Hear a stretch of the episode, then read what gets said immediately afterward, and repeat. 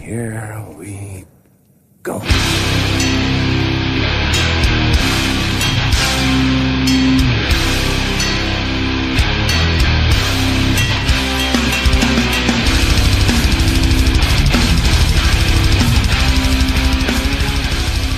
Då var vi tillbaks med avsnitt 24,5 av Nere på noll. Eh, det här är lite av ett halvtidsavsnitt med tanke på att vi nu på söndag kommer spela in det riktiga avsnitt 25. Men hur som helst så är vi tillbaks efter semestern och jag har med mig som vanligt Danne Nätterdal och David Olsson. Tja! Välkomna tillbaks efter semesteruppehållet får man väl säga. Tack så Eh, mycket. När vi glider in i en höst av jävligt feta grejer på gång. Inte minst nu om bara några veckor så kör ju klubbtidens tempo No Fun at All i Örebro. Så det får man ju ta och kolla in. Det är dags att köpa biljett nu helt enkelt. Eh, och vi kommer Ja, vara med shit, där också kan vi säga. Det blir kul. Det blir jävligt fett. Undrar hur många biljetter du har sålt? Ja, men jag tror att det kommer gå åt alltså, så det är bara att hoppa Det in. kommer 100% bli slutsålt. Har ni haft en bra sommar annars eller? Det var ju slutsålt i Fagersta där. Ja, det här är... Men det var hemmaplan. Eh, jo, men för fan. Det är väl alltid bra. Eh, jag var ledig hela juli och det regnade 100% av dagarna. Okej.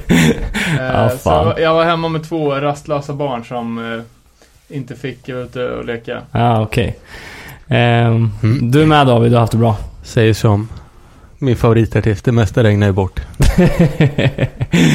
Fan, vi har ju fått en del eh, skön feedback under sommaren här. Jag tänkte att vi Mm. skulle dyka rakt in i det. Ehm, först och främst så eh, var det eh, ett Göteborgsband som heter Blodad Tand som hörde av, av sig till oss och eh, var lite kreativa i att de ville att vi skulle plugga dem och säga att de söker spelningar. Så att det är väl bara att ta och kolla in och se om, Alright, om fan. det... Var det här nyinkommet? Det här missade jag också, tror jag. Eh, ja, precis. Det är ett Göteborgsband som spelar punk hardcore. Eh, de beskriver sig själva som att det är rakt på inget tjafs med svenska texter. Och eh, låtarna är faktiskt inspelade i för oss bekanta Fuck Life Studios i Trollhättan. Men eh, mastrade... Kvalitetsstämpel. Ja, verkligen. Men eh, de är mastrade av en Brad på Audiosage i Portland. Oj, Oj. oj. Så, eh, ja. Alltså, skickar man iväg varför? sin demo för mastering i USA, då är man ju fan next level bra alltså. Men lyssnar du på den? Nej, fan jag har inte, jag har inte kollat in den. Eh, Annars är ju Peter Indebete på Cutting Room i Malmö Sveriges bästa master. Vet, han, han kan ställa mastervolymen med, med vänster hand samtidigt som man snurrar på stolen. Helt sjukt bra. Vilka jävla skills. Vi måste bli mer källkritiska. Vi kan inte sitta och... Kan inte sitta och plugga någonting som jag inte har lyssnat på. Nej, men samtidigt, hört. samtidigt så är det ju lite kul att de, att de hörde av sig till oss. Ja. Ehm, sen så var det ju också en viss Robin Larsson som tipsade oss om eh, massa kanadensisk skatepunk som fanns på Ebay och gick för jävligt mycket pengar. Det var helt sjukt det. Ja, det, det, det har varit ju någon liten så här intressekonflikt, eller så här, intressemix då. Din, din fabläs för obskyr skatepunk och eh, min och Davids eh, köpa skivor dyrt hype. Ja, verkligen. Men ska vi berätta? här? Det var ju CDs från 99-2000 som gick mellan 1000 och 2000 kronor. Precis. Band som Climb Down, Mind Point och 50 Nuts. Där det sistnämnda såg ut att vara eh, någon slags... eh, Fritidsgårds... Eh, Ledare. Ja, verkligen. men, eh, eh, men det lät ju överlag jävligt bra tyckte jag. Eh, så att, eh, men man undrar... Men undrar vem som samlar? Ja, precis. För det var ju typ så här. Man, man kollade upp låtarna på YouTube liksom. Det var 400 views max liksom.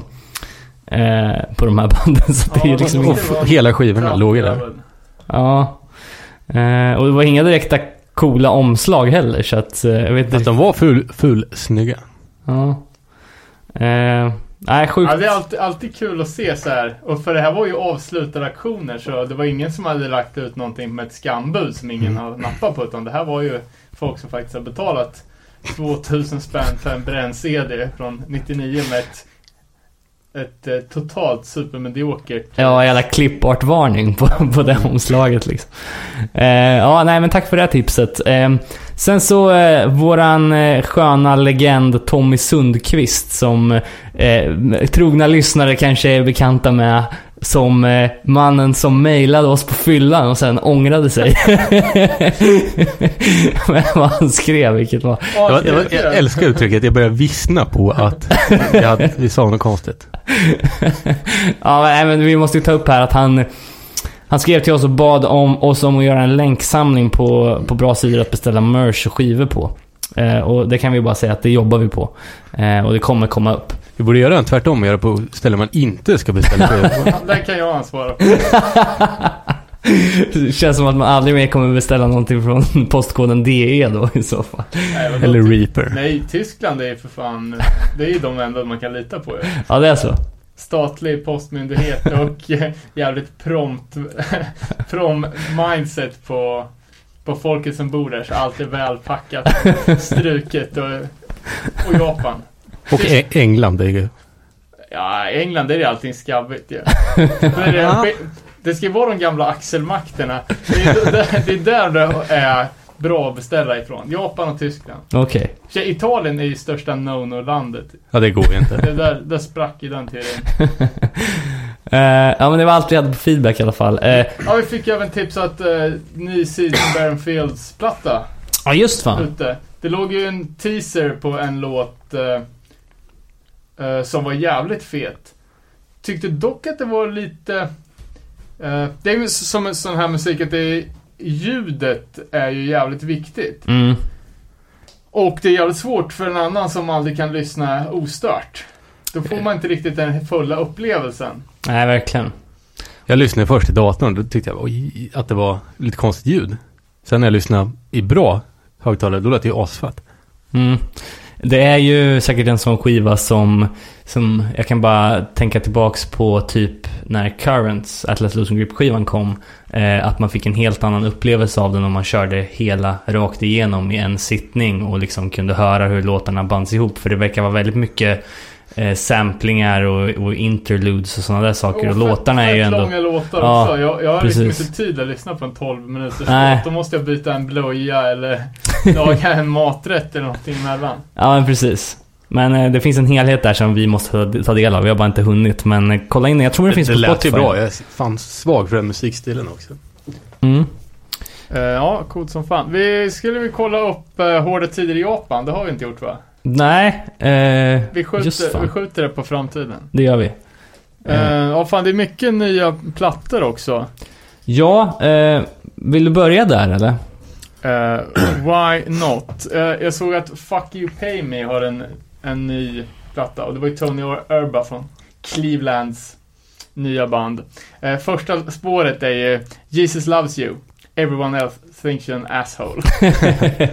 Så han håller ju i med sin aningen sarkastiska eh, lyrik. Eh, sen en annan platta som jag tror jag snackade om för länge sedan. Eh, kompen Before Metal Was Cool. Mhm. Eh, och det är ju Unbeaten Records, det vill säga Stigmata Folkets bolag. Som har gjort en samling med typ de nya hårda hardcorebanden som spelar hårdrockscovers. Okej. Oh. Kan bli, kan vara gött, kan vara paj. Är den alltså? eller? Eh, ja, jag fattar som att den är... Men vad är, vad är det för... Är Eh, Stigmata med eller? Ja, men det är typ Stigmata, All Out War, men också typ som Chibalba. jaha, åh Så- fan. Spännande. Ringworm? Ja, jag vet inte. Men det var, bara, det var typ jävligt solid lineup. Ja, jag måste kolla in.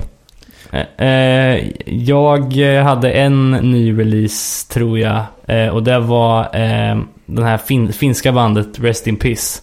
eh, som hade släppt eh, Baptized in Beer 7 eh, Är det något nytt du snappade upp när du var i Finland? eller? Ja, nej, det här, nej, det här var faktiskt... Alltså anledningen till att jag ens lyssnade på det var ju för att det lät så jävla bra. Ja, och det var fan... Om, om, om, om nya Strife som vi kommer in på tog det jävligt lugnt med, med vad de musikla, musikaliskt klarar av så är det här raka motsatsen. Det är liksom solon och snabba spel som, som bryter av varandra liksom. Men var det Eh, bra? Men spelar de i? Finland eller? Eh, nej, alltså jag fångade upp det här på något forum bara. Men jag tyckte att det var extremt roligt med ett omslag med en person som döpte ett barn i bärs. Så att... Ehm, Tyvärr, det har ju hänt. Men jag, jag, det jag har hört av det har jag gillat. Det går jävligt fort. Det är night fever feeling på det liksom. Eh, Sen har ju Twitching Tongues ny platta ute nästa vecka tror jag. Okej. Det är jävligt fett. Eh, så passande som ett eh, släpp på Metal Blade. Oh. Hur, hur klockrent är inte det? Ja men det är ni som får försöka övertala mig att det, det där är bra. För jag har aldrig fastnat för, för dem. Mm. Jag tycker det är ett Ja, av de coolaste sjukt nya banden. Jag Eh, bör- börjar följa han på Instagram. Han är någon typ av lustig kurre där. Alltså, det, det tror man, men det känns som att han är jävligt Va? sur. vem, Nej. vem är han? Sångaren i Twitch? sur. Ja. Han gjorde typ, du vet, så här skämt, ja men 15 sekunder skämtvideor med sig själv jämte. Okej. Det var ju ganska kul, men jag kommer inte ihåg vad han hette så jag hittade inte igen. Vad heter han? Vad fan är Colin Young? Ja, det kanske var något sånt, men det var nog mer tror jag. Ja, fan det måste man kunna googla upp. Det låter nästan i samma kategori som eh, den där 100 Demons. Eh, de ser ut på ett sätt på scen och ett annat på Instagram. Ja, exakt. Han som bakar cupcakes for a living. Ehm, Sen tror jag Suburban Scum hade en ny platta ute också. ja, de har ju varit lite i blåsväder, men ja, det också. Fan, men- Fick ni någon grepp på vad det handlar om eller? inte Mm, så att man kan uttala sig om det, utan eh, det känns bara som att det är massa jävla kaos där borta. Eh, För det var ju, alltså, det tycker det är ofta ganska... Det är ofta ganska... Det är ganska ofta man hör att folk har typ slagits och, och så här, Men nu verkar det som att det faktiskt har blivit en jävligt stor uppståndelse och hela den här eh, bojkotta Suburban Scum och Heavy Chains-kampanjen mm, verkar ha fått lite, lite fart. mm. Ja, det är, det är tråkigt. Man är, så, man är inte så insatt eh, i det så att man kan yttra sig om det eller ens gå in på några detaljer. Men det var ju tragiskt för han som, som hade råkat illa ut i samband med den där händelsen. Men det verkar ju som att han hade fått in rätt rejält med deg på kontot, eller? Ja, det, var, det startades någon fundraiser också. Ja, Ja, för jag såg att någon... Men det var väl inte ett slagsmål, det var väl snarare en misshandel. Ja. inte ett, Ja, liksom nej. ett precis. slagsmål. Nej, nå- något skumt har jag gått Men eh, har du, har du, de släppte alltså en skiva i samband med det här. Snacka om raserad Ja, är- kampanj ja, för att släppa den. bra. Skivbolaget går inte i taket. Nej, jag såg bara att någon sålde all sin Suburban Scum-merch och skulle donera pengarna till den här fonden för killen som hade Ah. blivit misshandlad. Jag förstår. Det är bra att någon gör något. Ja, det är jävligt mycket sådana fundraisers ute också. Eh, jag, jag vet inte riktigt vad jag ska tycka om det. Eh, för det första jag såg var ju att A- Aron i Death Threat hade startat en fundraiser, eller någon hade gjort det åt honom. För att han skulle betala eh, sjukhusräkningarna till sin farsa som precis har dött i cancer. Okej. Och eh, liksom det är ju en... Ja, fan... Han är, hans texter har betytt jävligt mycket för mig. Jag kan verkligen identifiera mig med det. Eh, så känner man bara fan, där skulle man kanske chippa in med en, en hundring liksom för... Ja, inte fan vet jag. Som ett tack. Ja, som ett tack. Ja, ja, ja. Liksom. Men sen blir jag så jävla... Jag vissnar på det här att de får ju fan nästan ta och skylla sig själva. För de, de har ju trots allt valt att inte ha att inte ha sjukförsäkringar i sitt, eller liksom inte inte ha gratis sjukvård i sitt land. Mm, mm, absolut. Ska det bara vara då de som har ett jävligt stort socialt nätverk som kan betala räkningarna? Mm. Ska de inte ta och liksom göra någon sorts revolt och införa det här nu då? Mm. Det är valid, valid point. Alltså, jag tycker att eh, ändå, det finns ju olika nivåer på de där fundraiserserna också. Eh, I vissa fall så kan det vara kul att backa, eh, alltså dels om någon har råkat illa ut, men också för att få en skiva gjord till exempel. ja, jo, ja, Eh, absolut. Du är som inne på tv-spel, är det inte jävligt vanligt där? Jo, absolut. Och, men de senaste gångerna jag har backat någonting på det där sättet så har det ju varit musikrelaterat liksom. Eh, Vad har du backat till exempel? eh, Diabolics, Fighting Words. Eh, Det gick ju rakt till att köpa knark till honom. ja, typ. men, nej men så här lite andra grejer liksom. Det vore kul om det kommer fundraiser för att inte släppa en skiva. Ja, exakt. Alltså, det har ju varit många sådana där grejer som har varit lite roliga ändå liksom. Eh, men vissa andra grejer är ju bara... Ja, man, man börjar ju fundera på hur, hur mycket de faktiskt eh, ja, utnyttjar sitt following liksom, Ja. i vissa fall. Såg även att eh, sången i Stout, TAD, eller TAD, eh, också diagnostiserad med cancer och eh, ja, utan försäkring behövde, Ja, behövde liksom crowdfunda sig för att hålla, hålla sig vid liv. just det. Tragiskt och sjukt. Mm. Eh, och han är väl kanske mest känd för att han fitar i en uh, Trapped Under Ice-video på ett jävligt bra sätt. Stenhård. Nice. Det var ju någon som också kommenterade det bara usch, fan stackars cancer och fucka med träd. det ligger man risigt till. Eh, men på tal om nya releaser om vi ska gå, gå vidare från Suburban så uh, Strife släppte ju en låt här från sitt kom, sin kommande EP är det va? Ja, Uh, med en sån här Cleveland-feeling på den. De har både Ringworm-sångaren och gamla Inte-gitarristen. Jaha, det var så? ja. Jaha, jag tror, ja, ja. Nej, det var ju Ska features till- från Aaron och uh, Ewan Furnace. Precis. Tillägga att vi lyssnade på den innan, ja. Ja, exakt. Eh, och det var inte så roligt tyckte inte jag. Eh, Nej. Jag tyckte solot lät så jävla långsamt. ja, Han fick väl anpassa sig efter rådande tempo i låten. ja, faktiskt. Ja, jag tyckte också med, med den line-upen, eller vad man ska säga, med de två featsen och jag menar Strife. Jag tycker faktiskt att den förra plattan var pissbra. Mm. Tyckte att det här lät lite trött. Men, men, men samtidigt så, när man hör vilka som är med i låten så får man ju högre förväntningar än vad man kan ha på band som hela tiden turnerar. Jag menar, det här är ju säkert någonting som de har kommit överens om på Facebook eller någonting och sen har låtidén skissats fram utifrån det. Jag kan ju tvivla på att de har träffats i någon replokal eller, eller någonting sånt liksom. Vadå? Gjorde inte han Human Furnace en gäst på en Dead Price-skiva? eller? Jo, fan. På femman på förra plattan. Det var gött. Ja, han är ju ex- extremt bra. Jag tror han... Det var vi innan jag spelade med honom, då, jag tror han blåste av det typ en tagning. Fy fan. Top notch liksom. På, I logen på skylten, bara rakt in i en iPhone. Åh fan. Nej men det var inte så, jag är inte så...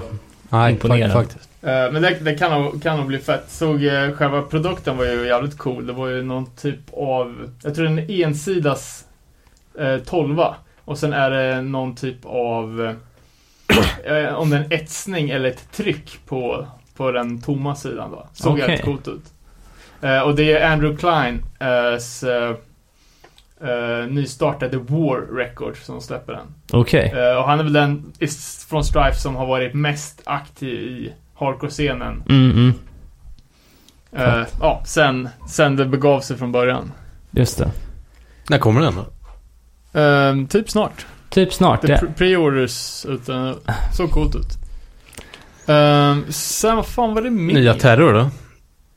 Ja, är det någon som har lyssnat på det eller? Mm. Ja, första låten lyssnade jag på, den var ju jävligt fet. Jag har inte riktigt hunnit kolla upp det faktiskt. Nej, inte jag heller. Alltså, Jag, jag kollade lite på det idag. Victor har släppte som CD. Ja, jo men det visste jag. Vem gör LPn då? Gissa. Reaper? Japp. Det sjuka är att Victor hade så sinnessjukt mycket merch och jox. ja. Ja, jag kan tänka mig Det det. var, ju- det var ju tre kassetter också. Och så hade de något som hette Ultimate, Ultimate Pack. Då fick man allt. Det kostade typ 1500 spänn. Vad ingick i det då? Allt. Badboll, tändare, kortlek, löständer, lösnäsa. såna här gummifingrar. Men fan, det där är en bra, det där är fan en bra eh, segway på, på där vi snackade om i förra avsnittet i slutet var det va? Eh, Ja, när ni helst vill gå hem. Ja, precis. När vi var inne på hans topp top 10-lista på saker som har förändrats inom hardcore. Ja, precis. Jag, jag Att, att man kan sälja ett. Ja. Ultimate Pack har ju förändrats. ja, det är fan sant. Men jag kan gå igenom de punkterna som vi bet av sist. Ja, men hoppa vidare till den som, de som vi inte har pratat om. Ja, okej. Eh, det, för vi, det var ju 10 punkter som vi gick igenom. Och gjorde de fem första. Ja, precis. De, de fem sista då, eh, så nämner han dels då det här med broken down walls, alltså att hardcoren har förändrats i grunden i och med att Hatebreed har gjort intåg och börjar göra stora turnéer och sådana här saker. Och att de, eh, ja, de fick en fanskara som sträckte sig långt utanför hardcore liksom. Eh, och också, ja, de omdefinierade lite vad ett hardcoreband kan göra, skriver, skriver han då. Och det kan man ju hålla med om. Ja, verkligen. Fair point. Eh, nästa punkt är ju då på det här temat The Mall of Merch, som man skriver. Eh, och eh, ja, att, eh, att hardcoreband släpper merch som är både för ja, alla typer, liksom för pensionärer, för barn liksom. Pra, pratade inte du om det förra gången också? Eh, Ja, jag tror inte vi kom så Nej, jag tror inte kanske, kanske nämnde det. Men alltså, det låter nästan som att han eller... Är självironisk eller? Ja men typ att det är någonting som skulle vara lite negativt att det är sån jävla hysteri med att göra prylar. Mm. Men vad fan det är väl gött liksom. Ja, Nu går det inte typ att sälja några fysiska extra skivan. Det är bra om banden kan få in lite kulor. Och jag menar det är ku- kul att köpa, köpa, Stuff. köpa grejer och eh, supporta band som man gillar. Liksom. så är det ju. Vi pratade ju att Ja, i slutet på det här avsnittet kommer Mark-intervjun. Vi pratade ju mycket om det här ju. ja, det kanske är. Det var så jävla länge sedan. Jag har fan glömt bort det. Det- Eh, men så länge det inte finns några mellanhänder som profiterar, utan att det är st- strikt DIY liksom, banden gör grejerna själva och folk köper det. eh, så är det väl fan svinbra. Absolut. Nu sitter ju Tony Victory där och tar hälften. Ja, ja, men sen har jag faktiskt också funderat lite på det här med att köpa jävligt mycket skivor liksom, hur hur miljöetiskt det faktiskt är att Mm. hålla på och eh, egentligen helt onödigt köpa typ 6 ex av samma 12-tummare liksom. Det är ju bara en massa jävla plast. Liksom. Eh, liksom. Om man bara ska köpa begagnade skivor i fortsättningen. Eller, jag menar, en t-shirt som Mm. kostar 100 spänn. Hur, hur miljömärkt är den liksom? Hur har bomullsplantagen, eh, arbetarna där, eller de textilarbetarna? Jag tror att hela din eh, skivkonsumtion skulle representeras av en månads intresse av folkrace. Typ. så att... Men det borde ju komma så här recycled vinyl. Att någon går in på myren och bara tar den kristna backen och smälter ner och sen trycker en ny av det. smälter ner. Ja, Det är det man gör med plast. ja, jo, det är väl sant. Fan, det kanske är något för Dollar Grin att vi ska Ja. bara Eller så claimar vi bara att det är det. Ja, eller bara typ samla upp dåliga skivor och liksom ta bort dem bara. Men jag, jag, jag tänkte på det här du sa med att det är coolt att de har mycket merch. Jag kommer ihåg när jag satte upp CDC. Det var ju liksom så mycket att välja på så att jag behövde inte köpa några mer kläder det här året. det var liksom, det var done. Och då hade de ändå bara släppt en demo. Ja. Ehm, nästa punkt han har på sin lista är Everybody's on tour always. Eh, och Ja, det, men, men det är fan ganska intressant för att det är ju någonting som, som inträffade, ja inte fan vet jag, men det var ju liksom the downfall av CD-skivor. Mm. Eh, när det återigen då inte gick att sälja en, en enda produkt. Och man var ett band.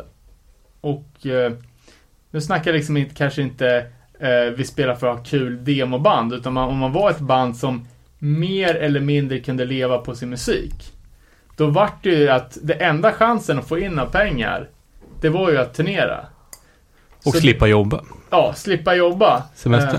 Eh, Absolut. och att eh, alla börjar ju faktiskt turnera jävligt mycket mer. Mm. Och det resulterar i sin tur i att alla venues blir jävligt uppbokade. Absolut. Och det här är inte bara hardcore-band som turnerar hela tiden, utan det är alla band. Mm.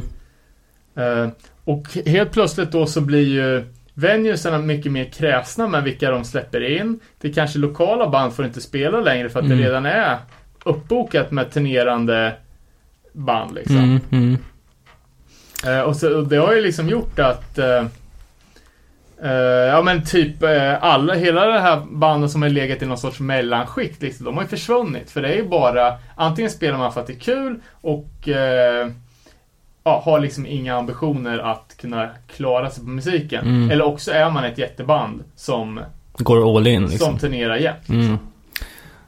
Absolut. Jag tror att eh, in, inom hardcore speciellt också så tror jag att det här är mer ett, eh, ett amerikanskt fenomen också på ett sätt. För att som ett amerikanskt band så kan du nog mycket, det är my- vad kan vara, ja, från en betraktares synvinkel då.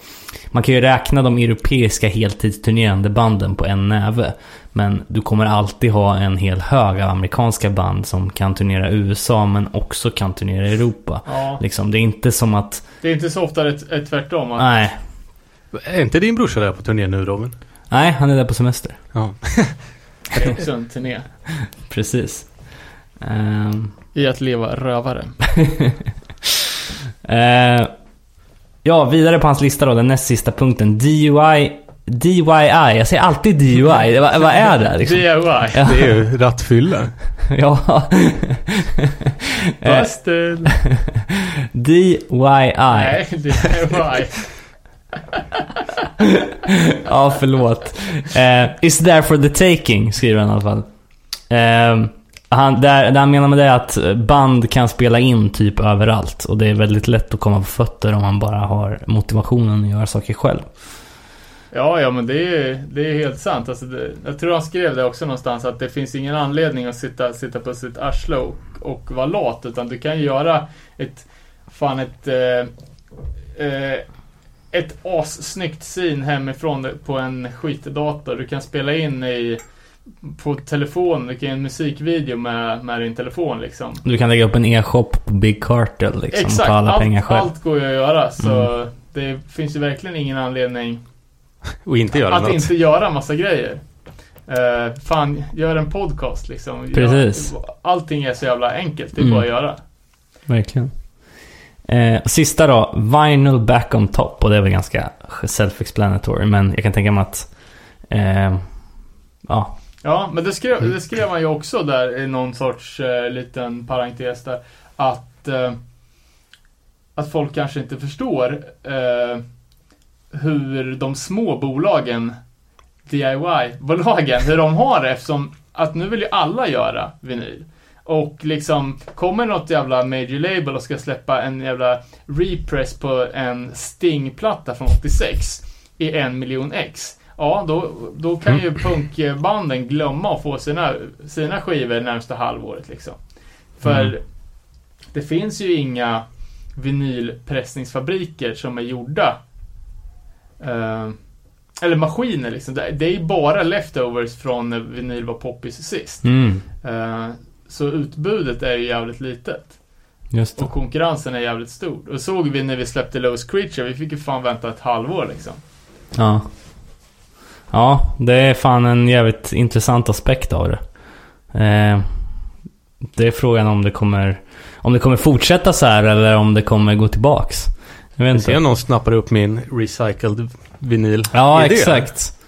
Då kanske vi får se eh, väldigt mycket mer vinyl i omlopp framöver. Ja, men det är inte så jävla enkelt heller. Jag såg en eh, liten så här eh, så här funkar film från en en mindre pressningsfabrik och det är ett jävla mäcklande. Det ska badas i massa olika syror och det ska göras metall eh, acrates och bollas och trixas och fram och tillbaka. Så det är, det är nog inte så jävla lätt att göra.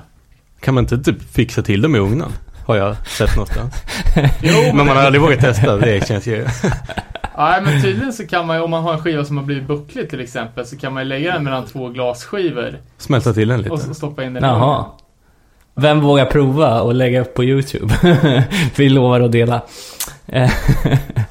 Ja, Kan även driva ur fukt ur skivomslag i mikron. Det, det har jag testat.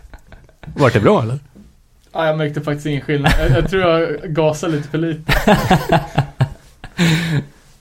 Ja, Mm. vi går vidare då. Det var hans topp 10. Ehm, ja, vi kollar på ehm, den första singeln från H2O's sista platta. Nämligen låten Skate. Ja, fan jag är peppad på, på den ganska länge. Ja, jag med faktiskt. Eh, Tills man hörde det. inte så jävla bra, tyvärr. Nej, jag kan inte hålla med riktigt. Jag tyckte att det var bra faktiskt. Det blir så lökigt. Jag tyckte att- Skate and destroy. Skate Jo, and men- create. Ja, men Skate and Destroy, Skate and Create, det är ju en hommage till Steve Caballero. Som, Som också var med i videon. Ja, han, Absolut. Det är ju en... Skate and Destroy är ju typ hitlåten med Steve Caballeros gamla band The Faction Mm. från 83. Typ som var väl pionjärerna i, inom skate-rocken liksom. Ja, ja. Men Eh, det var också fan, ja. ja, det, jag håller med. Och videon är ju superlökig, men alltså... Men Det är catchy, cool liksom. Det är liksom lite gamla videoklipp från när när Toby Morse skater någon så här värtramp på en Ja. bakgård och sen är ifrån fan Combi Bowl i i Orange County. Klassisk pool där det brukar vara mycket tävlingar. Ja, ja. Jag, jag tror jag såg någon sån här Day in the Life med honom. Har ni sett den? Steve Caballero? Nej, Toby. Jaha, nej. Så att, antingen skate han där också. Det som, han var ju rätt duktig alltså. Ja, fan han är, han är ju fan bra för att vara 40. Nej, men, Nej, vadå är han ens 40? Jag tror han var 50. Han såg jättegammal ut i den videon också. jaha, nu, nu, jaha, nu snackar vi om Steve Caballero. Ja, okej. Nej, Eller? jag pratar om Toby. Toby är, är, Ja. är 40, Steve Caballero är 50. Ja, okej, okej. Och båda är bra på skata, måste jag säga. Mm. Men man trodde ju att det kanske var lite image. Ja, jo, men han gör ju handplants liksom. Ja, ja exakt. Ja, det kan man inte själv göra. Nej, det kan man fan inte göra. Nej men vad fan, det ska bli kul att se vad det här var. Alltså, det här var ju bara en, en snabb låt på en minut eller vad fan var den? 40 sekunder lång. Ja. Så att, eh, i och med att det är deras sista platta också så kan bli kul. En annan grej som är sista som, som jag bara ska flika in med det är ju att Bane är ut, kommer att åka på sin sista Europaturné. Eh, och de har nu flikit in ett, eh, ett danskt datum med Code Orange. Som är någon gång i höst, såg jag. Ska inte åka på. Nej men det kan ju vara folk som faktiskt är intresserade av Bane. Jaha, du håller på med någon sån här samhällsupplysning. Har vi något mer eller? Ja, fan lite coola dokumentärer. Mhm. Uh, först såg jag var helt förvånad att det låg en uh, Dead Kennedys dokumentär ute. Jaså? Utan Yellow Biafra dock. In, ingenting eller? Nej, det var ju... Men de måste ha pratat om honom. Ja, men han var ju typ utraderad i historien. Eh, men det var ändå jävligt intressant. Eh, och jag sitter ju och peppar för att vi ska göra ett Dead Kennedys avsnitt. Så jag tror jag sparar, sparar godbitarna. Men det, det var jävligt kul. Mm. Eh, sen såg jag en annan fet dokumentär om eh, New York-bandet Indecision. Mhm. Uh, What It Once Meant. Uh, dokumentär som, jag- vad jag fattade som, är ute. Men Noisy eller? Nej, jag, jag vet inte fan. Jag har bara sett lite olika trailers. Okej. Det är skumt att någon gör en dokumentär om dem. Ja, Det är inte världens största band. Det är Nej. bra. Ja, det är fan jävligt bra, jävligt underskattat. Jag har alltid diggat dem alltså. Eh, de spelar i förband eh, till Secoverå när de lirar på Münchenbryggeriet 98. Mhm. Eh, och då som liten grabb vart man ju jävligt, jävligt peppad på, ja, för alla band man fick se live liksom. Men Indecision har hängt med mig sedan dess. Eh, ja, det är jävligt coolt och ganska intressant band också för att Och det finns en historia där ändå liksom. Ja, det, eller... Eh, det kan man väl säga. De, de var ju rätt så stora. De spelade ju under tio år och släppte ganska många klassiska klassiska plattor. Eh, men rent ljudmässigt så låter de ju... Alltså det... Om man tänker det klassiska 90-tals-soundet. Mm. Fast mixat med typ New Hardcore. Eh, och de är ju från Brooklyn och de hängde ju mycket med dem Ja med de andra New York-banden på den tiden. Eh, vi snackar tidigt 90 liksom. Eh, men de hade De var liksom inte De var inte en del av den, liksom den så här superpolitiska 90-tals vegan straight edge-scenen. och de var inte riktigt en del av typ tough guy New Hardcore-grejen heller. Utan de låg där och flöt lite mittemellan. Okej. Handlar inte den Release the Cure om att det är någon sån här konspiration att eh, staten har aids-botemedel som de vägrar släppa och sånt? Ja men precis, och det var ju deras, den sista, tredje sista fullängdaren som de släppte som var, var någon typ av temaalbum på det. Och de har ju alltid jävligt medvetna politiska texter och eh, väldigt så här, socialpolitiska och de är ju aktiva i eh, väl den tjockaste gitarristen är ju någon typ av heltidspolitiker i Brooklyn nu och de andra håller Var ju det inte de som gjorde såna här Defend Brooklyn eller Defend Hardcore tröjor mycket? Eh, ja, eller om det var bandet de startade efter. Most Precious Blood. Mm. Mm, ja, någon av dem. Uh, Alright, så den är sevärd alltså. Vad hette den sa du? What It Once Meant. Okej. Fanns Eh. den på YouTube eller? Nå, det fanns bara trailers ute. Jag ska, ska jag, jaga vidare. Något att hålla koll på. Eh, Release the film. men de har ju har lite andra så, så roliga indecision-detaljer.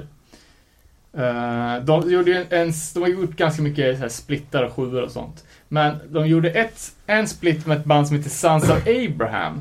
Som vad jag vet i alla fall är det enda eh, bandet som är som ett som frontar som ett judiskt band. Mhm. Alltså de är liksom aktivt troende. Ja, ja. Lite, lite ovanligt. Ja, verkligen. Eh, Ja, ja, ja alltså.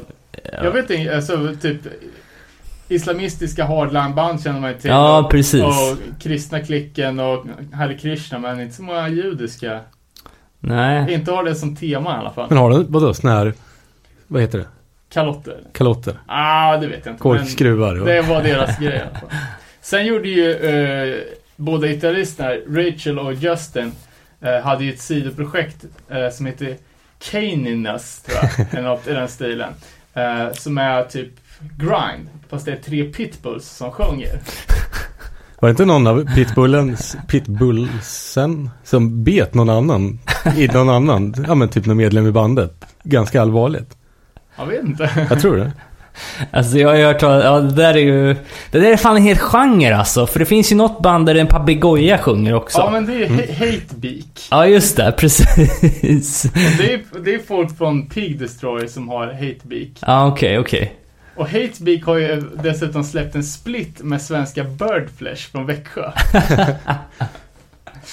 och eh, Fan. eh, i Birdflesh så spelar ju Hampus Klang som spelar i hårdrocksbandet Bullet där Adam Hector från Örebro och Pattern Return nu spelar. Så Ah. cirkeln är ju totalsludd. Verkligen. Eh, men just det, vad jag skulle säga om, om Indecis- Indecision, att typ eh, de har ju en låt som heter Hallowed Be Thy Name, som är väl typ deras hit liksom. Eh, där refrä- refrängen går For those I love I will sacrifice. Uh, så riktig jävla dänga.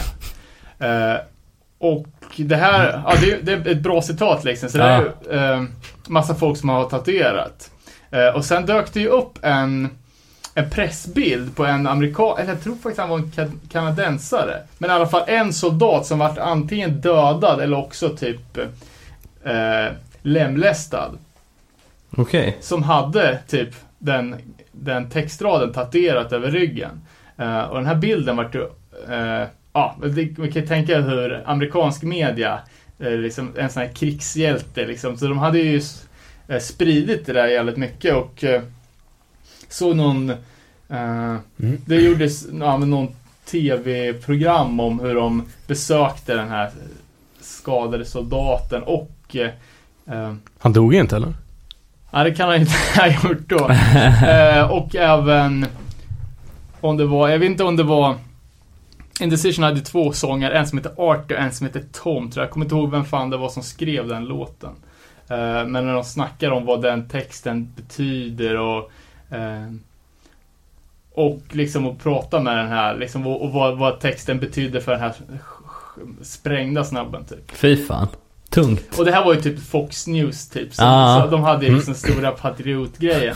Men låten i sig handlar ju, det är ju typ Alltså det är en låt som, som är mot organiserad religion och typ att kasta bort sig, eller du vet, offra livet för för eh, ja men typ sin, sin, eh, en religion i ett krig. Typ. Ah, så att okej. egentligen så är, är låten det tvärtom mot vad media ville trumma på att det var. Lite som när Reagan hade Born in the USA med Bruce Springsteen som kampanjlåt. Precis.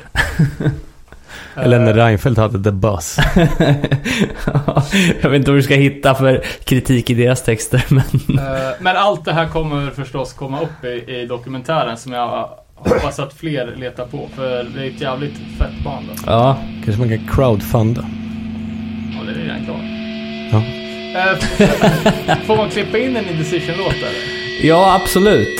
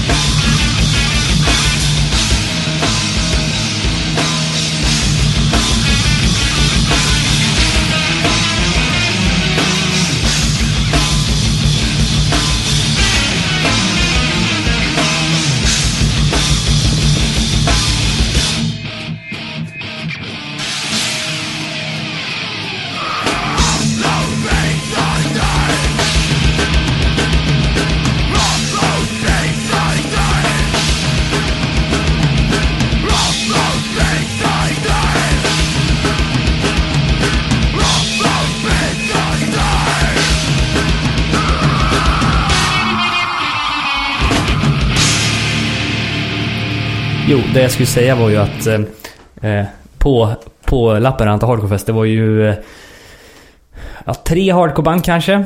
Eh, som, sjöng på, som sjöng på engelska. Resten var blandat hardcore, eh, ska och sådana grejer. Och, och massa hiphop. Och eh, bland det lökigaste som finns är ju Ski Mask. Och eh, det var ett hiphopband med två, två snubbar. Eh, Det där, var löket, det är ju ascoolt. jo men alltså så här, ha på scen liksom. Det är lite... Man är från Finland. Desert för fan. Ja, jo. Eh, men eh, i alla fall.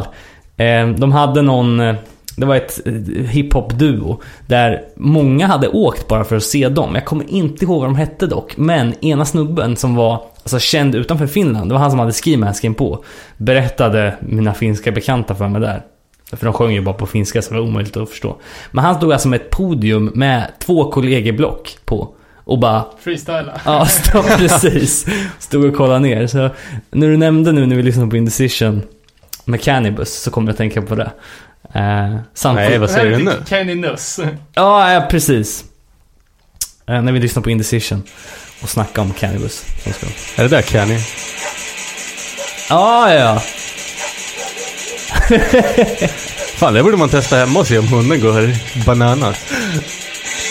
Fan, det stör mig att jag inte kommer på vem den bet alltså. Ja, just det. Hade hund... Hade någon i bandet? Ja, och så kom det ut. Kenny, vad det? Kenny? Nuss. Kenny Nuss is now a two dog band. Fick jag kicken? Ja, sjukaste någonsin alltså. Nej, det gjorde jag inte. Ja, det vore kul att sammanfatta alla sådana där band som är, antingen består av djur eller så här konstiga grejer som har hä- hänt i studion. Jag har ju hört om något jävla dödsmetallband som mickade upp ett isblock eh, och tog med det på skivan. Ett smältande isblock som ligger med på varje låt. Ja, det är jävligt viktigt ju. Jag känner något för War Records efter... Ja, eller bara som det, här bandet Judd Judd. Har du hört dem? Nej. Eh, det är ett band som, som vad, vad kallar det? A cappella. Så det är två snubbar som säger.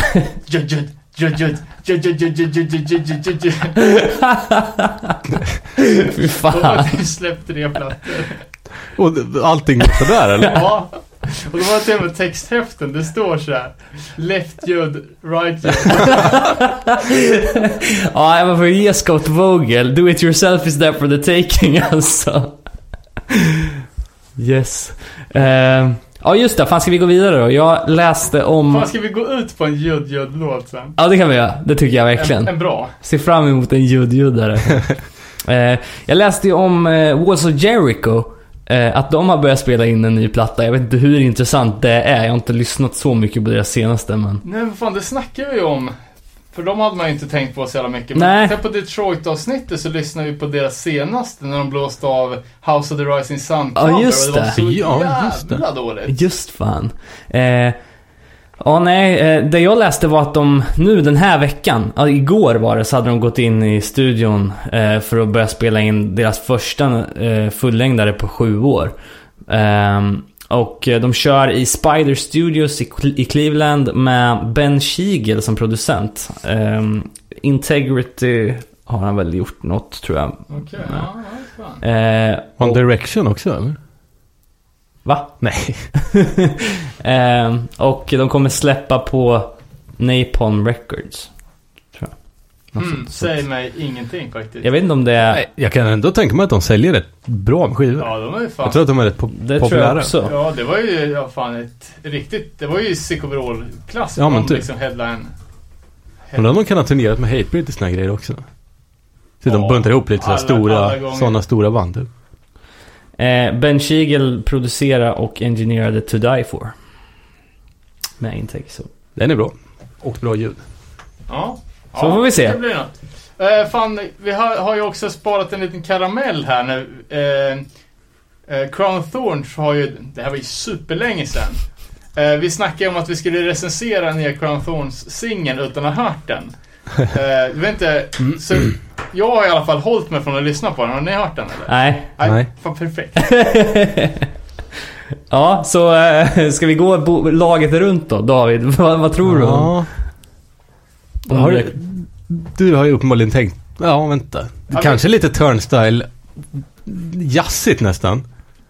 Ja, ja just det. Ja, det var Men- precis, för precis det jag tänkte säga att nu när Turnstile av någon anledning är typ det bandet som alla vill låta som.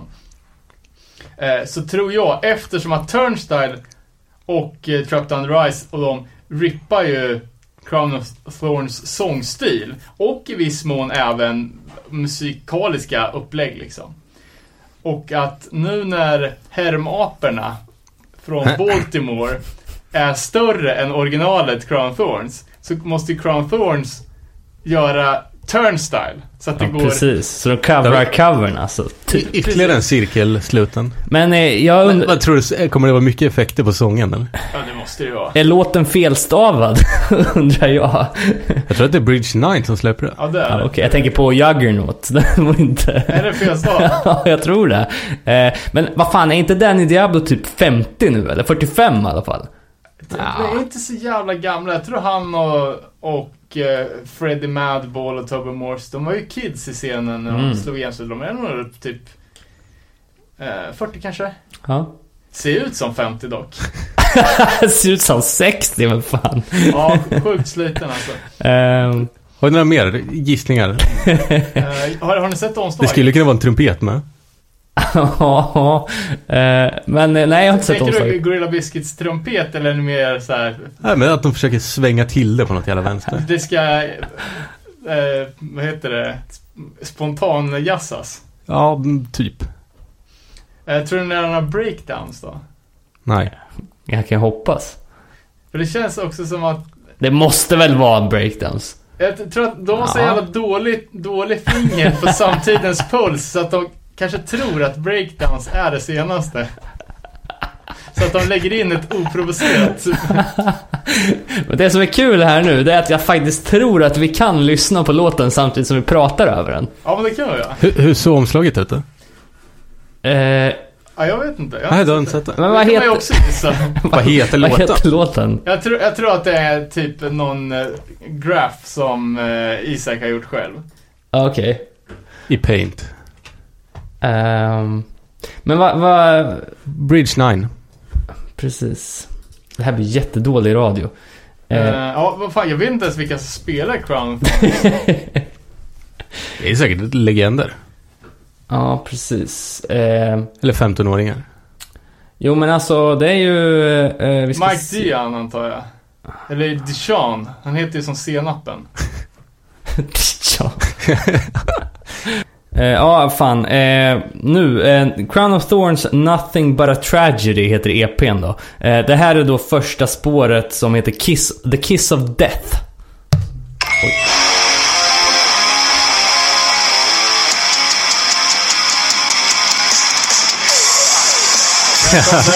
Turnstile.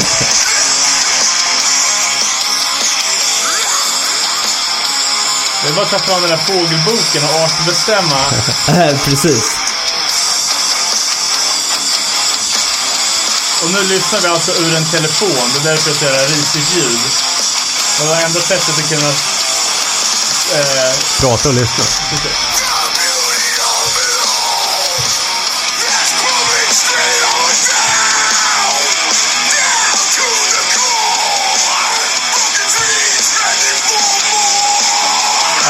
Låter det som Crown Thorns alltså. Vad sa du? Nu låter det som Crown Thorns alltså. Ja, verkligen. Pallar du att sänka lite eller? Det är jättehögt.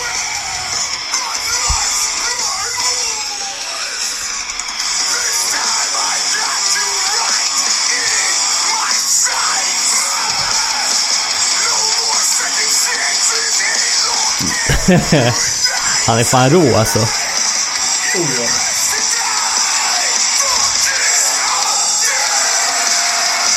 Det har inte varit någon breakdown än. Kommer.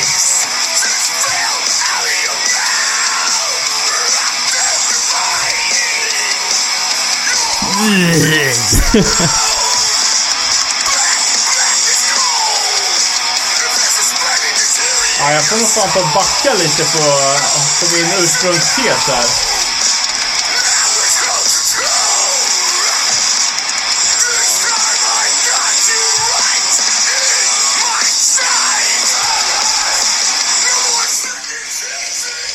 Ja, det var ju inte jättesnort från Turnstile. Nej, det kan man inte säga. Nej, verkligen. Inte så jävla pjåkigt. Nej, det var ju, var ju bra. Det var, vart inget bra segment då, för det var ju, alltså, det levererades ju exakt vad man eh, inte hade förväntat sig, men som, Precis. som det lät sist. Ja, verkligen. 98. Verkligen. Men eh, det är ju fyra spår till på den här EPn tror jag, eller någonting sånt. Så att... eh, Det är väl bara att kolla ut. Är det B9 som släpper det eller? Mm. Nej, jag hade ju förväntat mig att han skulle ha rosa hår och eh, Skönsång hade man ju. Det var bara loggan som levde upp till... Till förväntningarna. Ja. eh, ja, jag hade en annan grej. En tråkig grej. Eh, eller beroende på hur man ser det. Eh, Des Cadena. Ja, Eh, från eh, Black Flag, eh, gamla sångaren där.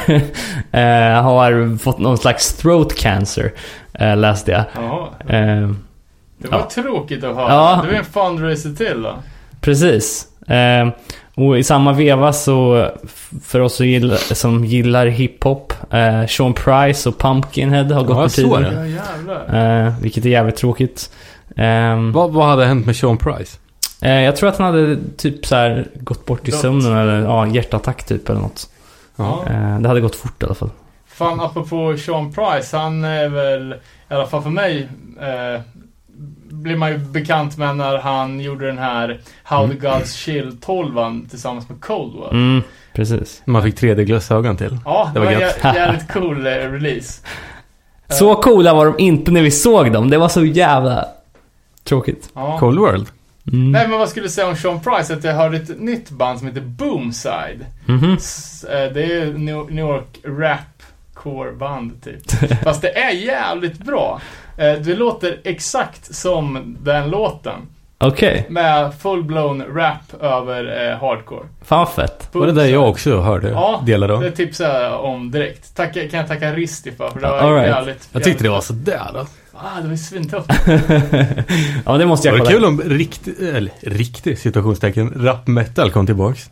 Ja, men det är på god väg nu. Vi kollade ju på Lionheart-video innan vi gick in här. Ja, nej, men det här var bra. Så det går ju att göra rap, hardcore, rap metal om eh, man är skicklig. Precis. Och inte tysk. Det är grundkriteriet. Eh, ja, för fan. Ehm, Det borde vara en lista på saker tyskar inte får göra. ja, vad bra. Då kan du ta den listan till nästa gång då. Ja, ja. Eh, Åh fan, jag, jag vart ju svinnöjd där. Jag hittade ju fan en, en och en halv timmas intervju med Mike Judge. Eh, Åh, fan. I en podcast som heter Mark Barons podcast. Okej. Eh, han vill lyssna i ungefär 30 minuter innan jag märkte att det var inte rätt Mike Judge. Det var ju snubben som har gjort typ, Filmerna. ja. Han har gjort Simpsons typ. ja precis. Eller- nej, nej, vad fan Nej, Beavis and Butthead kanske. Beavis and Butthead, Ja, va? exakt, exakt. Uh, ja, ja. Bummer. Vad tog du det på då? Ja, de har fått hela tiden på att snacka om Albuquerque. Jag tänkte, vad fan, han är väl inte från Albuquerque? Eh, ja, något mer hänt i veckan då? Eh, Inte veckorna är det men. ja, precis. Ja, fan det som hände i, eh, igår typ. Såg jag line-upen till eh, den svenska OJ-festivalen Pretty Shitty Shell. PSK är ju annonserad. Jaha. Eh, och det är alltså, de, de har ju kört hur länge som helst. Det är en jävligt välrenommerad festival. Typ där banden typ står i kö för att få spela och det är ju alltid slutsålt. Okej. Det är på Fryshuset och det är ju alltså flera tusen pers liksom. Jag har aldrig, aldrig varit där för jag är alltid för sent ute. Men eh, nu hade de släppt första bandet och det är ju eh, PSK Goes Hardcore. Mhm. Eh, Heter den det? nej, men det är, det, det, det är så det är. Första bandet de släppte var ju Battle Ruins. Jaha. Som då är Rival Mobs oj-band. Just det. Som ska göra sin första och enda spelning på PSK. Eh, och sen såg Det är, jag... det är rätt coolt. Det är fett. Verkligen. Och Battle Ruins är svinbra. Men sen såg jag ju, som jag blev jävligt nöjd med, att eh, Stars and Stripes, eh, som är Slapshot, är väl Choke och trummisen Marks oj-band. Jaha. Eh, och de spelar ju in en fullängdare som heter Shaved for Battle. Som också är ganska bra. Som är så in i helvete bra. Den är från, eh, från 89. Den är, alltså, det är nästan bättre än Slapshot. Jag tycker fan. den är helt jävla magisk. Galet. Eh, jag, jag hade förmånen att få se Stars and Stripes i, på ett uh, With Full Force. Tyvärr var det här innan jag lyssnade på bandet, men Mm. eh, extremt bra. Fett. Uh, såg även att Shipwrecked ska spela. Ja, okej. Eh, så det är ju typ tre hardcore-anknutna band annonserade av fem möjliga. Mm. Sen var det eh, Partisans och eh, sen husbandet Agent Bulldog. Mm. Eh, som, jag vet fan, de har väl, har väl eh, blivit helt jävla rentvättade nu. Det var ju, eh, de som inte känner till Agent Bulldog är väl, ja, ska vi inte säga det första svenska oj-bandet, men snudd på. Mm. De har ju spelat sen alltså början på, ja men typ sen slutet på 80-talet, början på 90-talet. Och eh, figurerar väl i den här Ultima Thule-klicken. Eh, Hade de alltid dragit med sådana grejer? Jo, och de... Kanske med, med rätt också. Ja, de var ju med på en, någon typ av Nordlandsamling som släppt på White Power Records där de och band som Pro Patria och eh, Vit Aggression. Det är svårt att ta sig ur ett sånt, eh, sån historik alltså. Ja, det är lite, lite känsligt.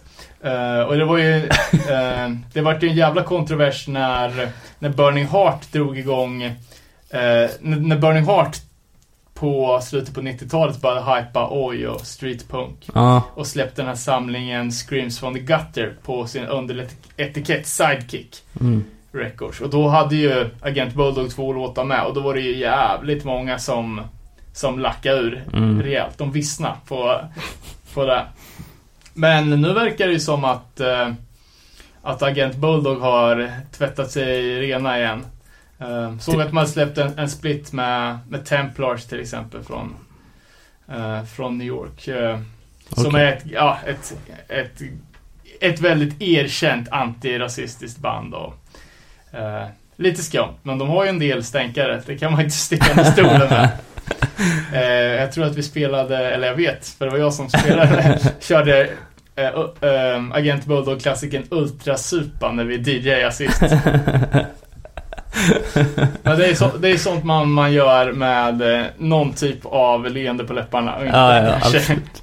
Fast såg ni att Ultima Thule hade varit på någon typ av fest med Jimmy Åkesson? Nej, Nej, Visste du det? Ja. ja, det måste ha hänt under semestern. Jag var inte Ja, så men mycket. typ. Det var i tidningarna. Ja, okej. Jimmy Åkesson stod i, du vet, så här, ja, med blommiga surfshorts. Och så stod de med typ vikingaskeppströjor bredvid och så här. De hade spelat på hans privata fest. Eller något liknande, jag kommer inte ihåg. Inte Vart var Isis då? Ja, eller hur? Eh, Och, och om man ska spela vidare nu då. Eh, Ultima Thule hade ju ett sidoprojekt eh, som hette Headhunters. Det finns ju ett nytt, semi-nytt i alla fall, eh, band som heter Headhunters NYC som är jävligt bra. mhm. Eh, släppt en, någon typ av, eh, fan kan det vara, 6-8 spårs eh, kassett. Eh, som Straight and Alert, franska bolaget, har gett ut. Och det är svinbra, kan jag rekommendera varmt. Okej. Fett. Får lägga till några sådana låtar på vår Spotify-lista då. Åh för fan vad vi har varit dåliga med det. Och likadant det här Facebook-albumet med tipsskivor. Ja, jag har faktiskt försökt hålla eh, playlisten uppdaterad. Ja, du har gjort det. Eh, men jag funderar på om vi skulle ta och blåsa ut det nu inför höstsäsongen. Eh, och sen börja lägga till nytt, alltså. Ja, du menar rensa? Ja, Ja, kan man inte? Ja. Det kan vara lite kul. Ehm, ja, fan. Något annat som, som har hänt? Eh, Känns som vi har babblat ganska länge Ja, ut, det har utan vi gjort. agenda här. Så det var bra. Precis, vi, vi, vi ska väl eh, plugga nästa eh, avsnitt innan vi beger oss in i markkonstnärsporträttet som ni var uppe och gjorde i Stockholm för några veckor sedan. Ja. Eh, men det är så att vi nu på söndag kommer att spela in ett avsnitt med en väldigt prominent hemlig gäst. Eh, som Man är lite svettig för det är fan... ja. Men eh, vad fan. Nu har du ju tagit upp förväntningarna.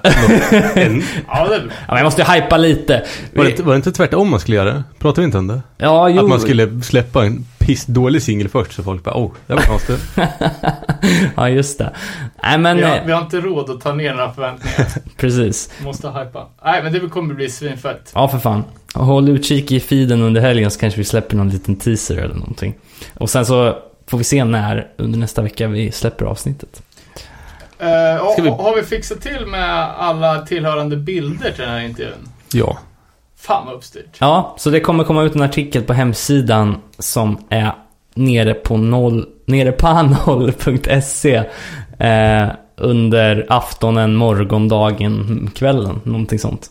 Eh, med, med bilder från ert besök. Men ni kan väl berätta lite vad, vad, vad ni gjorde där liksom och så. Alltså, hur kom det sig att ni åkte upp till Stockholm?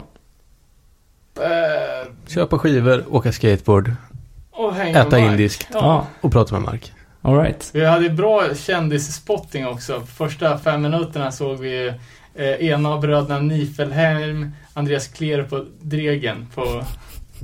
Det var, det- det var det första som hände. Dregen såg jättesliten ut. Han var faktiskt slitnast av de tre. Ja. Han hade precis varit hos sin kran. Kanske. Ja, det var sin kran. Ja. ja, jag tror han var på väg till kranen. Ja. Pollypengarna börjar ta slut. Men eh, vad fan. Eh, ja, Vi kickar. vi kickar och sen eh, håll utkik, sprid ordet och eh, ha det bra. Så hörs vi. Tack så mycket. Se vad lugnt.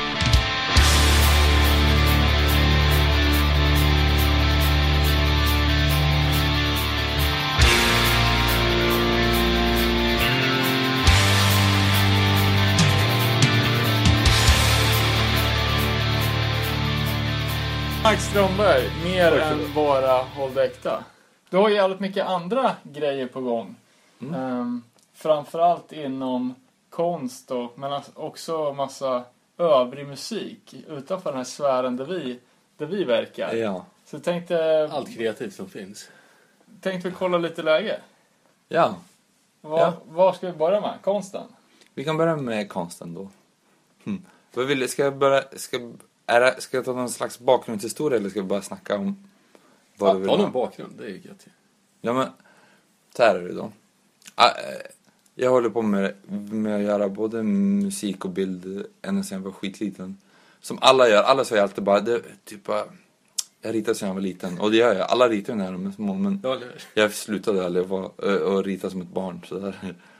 Jag kommer ihåg, fan redan i, i typ hög, nej i mellanstadiet innan, när jag gick i sexan eller femman så var det som att jag satt och tänkte bara, undrar om jag ska, ska jag försöka jobba med bild och så bara ha musik eh, som så här fritidsintresse. Jag kommer ihåg att jag satt och tänkte det på en sån, sån här dum tanke. Men det vart det exakt så, det vart det som att, alltså jag gjorde, jag började göra tidningar och rita grejer när jag var, när jag var sådär i mellanstadiet, och göra som egna små grejer. Och sen i högstadiet så gjorde jag fanzines där jag fick, där jag intervjuade typ eh, Throwdown och Jacob Bannon och massa, tre nummer gjorde jag av ett fanzine som heter Medicin.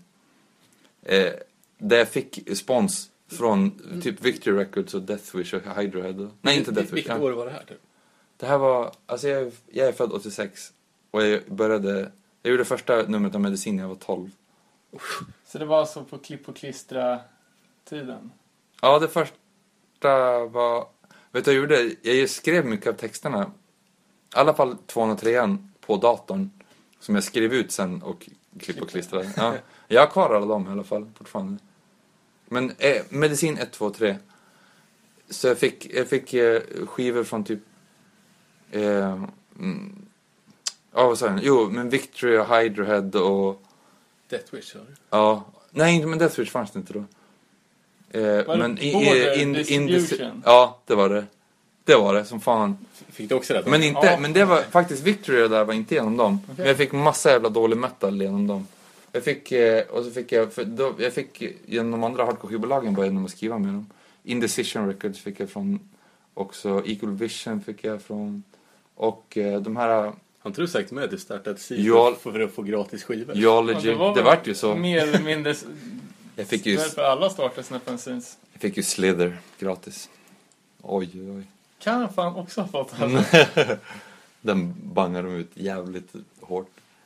Men så, jo, jag säger det då i alla fall, just fanzine-grejerna. Och sådär bildsakerna. Sen så hade vi band också från, jag och Erik Hurst som, som sjöng i Forever Young, vi hade ju, jag, start, hopp, jag började deras band just mellan sexan och sjuan också. 61 Minute Void hette vi. Som Turmoil-låten, fast 61 istället för 60. Så ända sedan dess och innan, jag startade mitt första punkband när jag gick i fyran också. Som hette Wipe. Och då gjorde vi, spelade in demos och grejer och då gjorde jag skivomslag redan då. Och design och allt sånt där. Då började jag som lära mig dator i, i sexan. Femman, sexan. Sexan kommer jag ihåg att jag började med Photoshop i alla fall. Så, Var det Photoshop 1 eller? ja det tror det. det var, jo, det var, men det var ju med att den här första färgglada iMacarna kom. All right. Ja. De här bo- boll-iMacarna. De är så jävla fina. Jag har kvar en sån fortfarande, en, en blå. Det är fan retro-grejer nu. Ja, de är skitfina ju. Och inga datorer som är bara är gråa heller. Jo, men sen dess i alla fall så då, och sen så började, min farmor eh, jobbade som bildlärare och har varit som konstnär också. Och är väl det fortfarande nu när hon är pensionär. Och min pappa är också duktig eh, tecknare och målare och, och håller på med sådana saker. Och min morsa är också kreativ som fan på det sättet. Så det har alltid varit mm, det är enkelt att göra sådana saker. Men just det, det, det kopplades ihop så bra just med musiken också för att det fanns ändå att bara göra till kassetter, göra till CD-skivor, göra eh, Angel Fire hemsidor och Geocities. Nej, heter det? Geocities. Där man la ut sina Ja, hemsidor. Ja, Geocities och Angel Fire och Spray hade väl en del också. Mm. Så så började jag göra. Så sen efter det så, det är det enda, alltså jag, i princip så gör jag ändå exakt samma saker i livet som jag gjorde när jag, när jag gick i mellanstadiet. Det, det vart som helst annorlunda sen dess. Saker så här, sitta och spela in skitmusikgrejer och så göra sådana konst, eh, rita och designa grejer. Men har du lärt dig själv eller har du pluggat? Nej, det, allt sånt lärde jag mig själv. Men sen gick jag ju, jag gick ett konst, konst och formgymnasium. Och så sen så pluggade jag, direkt efter gymnasiet så bodde jag två år här i Stockholm och så, och så gick jag på den här eh, designskolan som heter Bergs i två år. Men jag kunde allting, alltså jag kunde allting innan det. Det där Bergs var ju som bara för att komma, Få, få papper på det. ja, komma in i sådär slipsvärlden typ. För det. Som jag nu inte ens vill vara, ha en del av, alltså reklambyrå. Det var som att jag var tvungen att gå på Bergs och så jobba runt på eh, reklambyråer i ett år efteråt för att fatta att det sög. Men du gör eh, design och reklambyrå, den grejen fullt ut nu? Eller har du några Nej, jag knäck frilans. på sidan? Jag frilansar bara nu. Ja, Ja, men det är bara inom grafiskt. grafiskt. Ja, men jag får ju jobb, jag får jobb och illustrera också. Men inte, jag är ju mer en grafisk designer än vad jag är konstnär. För jag har inte så mycket så här att jag gör utställningar eller gör bara fri konst. Även om jag skulle gärna vilja det ibland. Men det finns också någonting med att, som är så jävla kul med att få göra eh, bild, eller så här, grafiska bilder och sånt åt ett syfte som inte bara är som inte bara är sådär alltså, odefinierbart som konst kan vara ibland. Det är därför jag gillar, som jag fick välja, ett av mina drömjobb skulle ändå vara att få jobba typ på ett skivbolag. Och göra alla skivomslag till det släppet.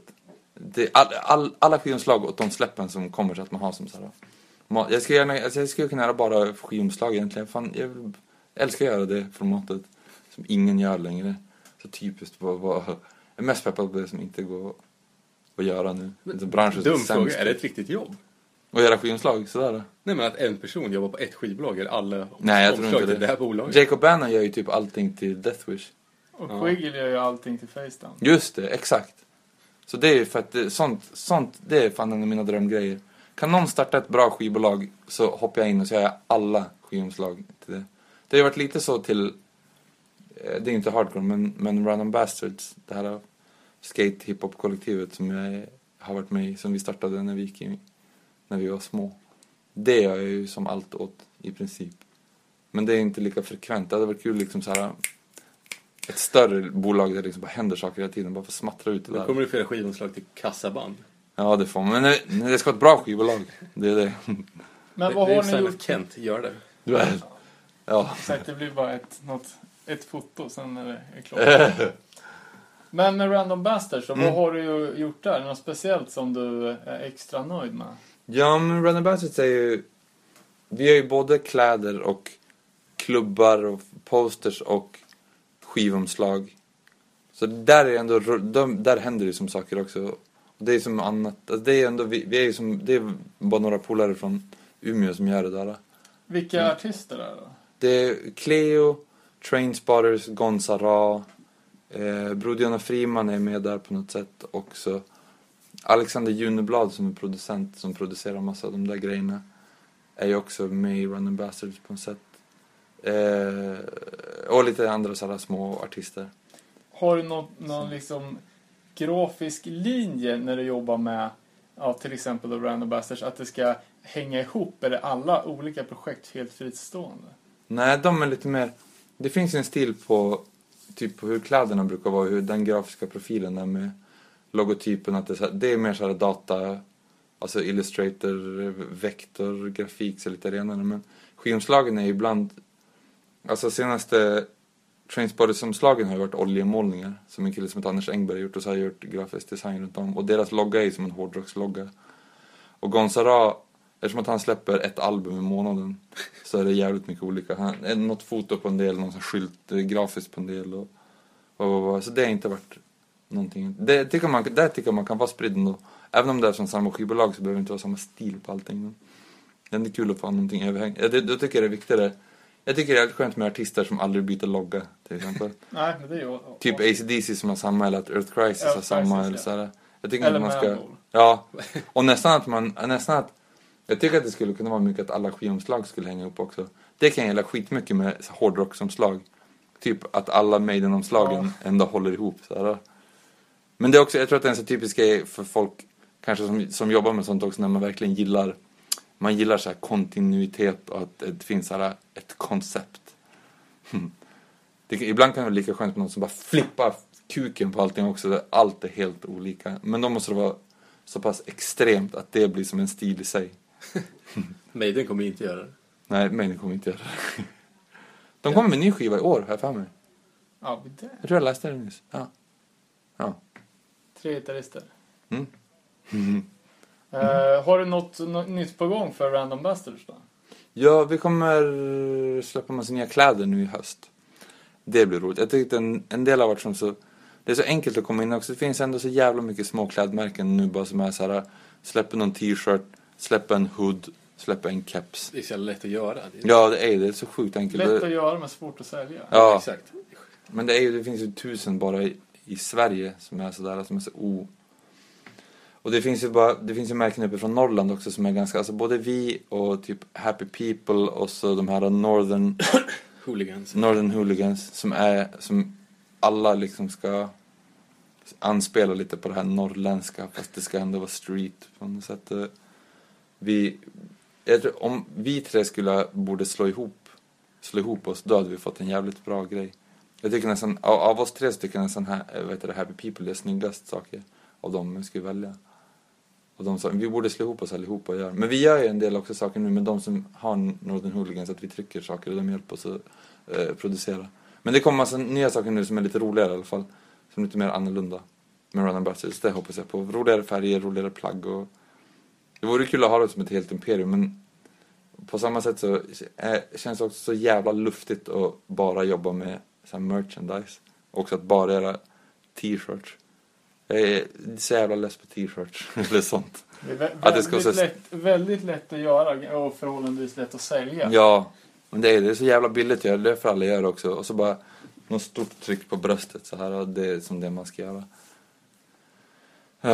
Så vaknar man upp efter f- 20 år när man har hängt runt så har man en garderob eh, eh, typ 400 t-shirts med svarta t-shirts med Från lite- small till. Small Ja, var lite. ja exakt. Nu är man uppe på XL. Exakt. Nej, Ja. Man börjar ju på Excel. Sen gick man man på ner small. nu är man på Excel. upp det.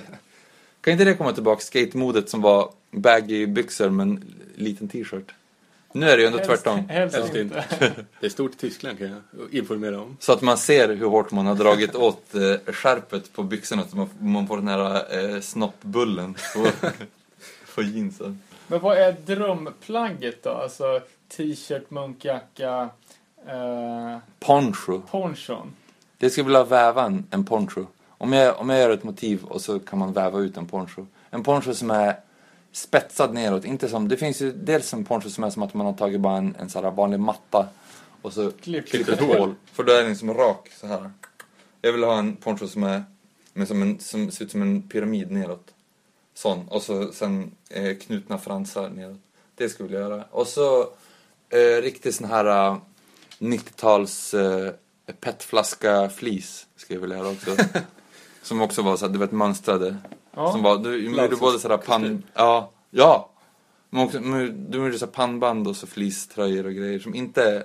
Det är inte jägarflis som är orange utan det är en sån här, eh, ja, petflaska flis. Som brinner riktigt jävla bra. Ja, Fattar alltså, du då är det ju... The de brinner ju bara, de brinner, brinner bara det blir sol, typ. Ja.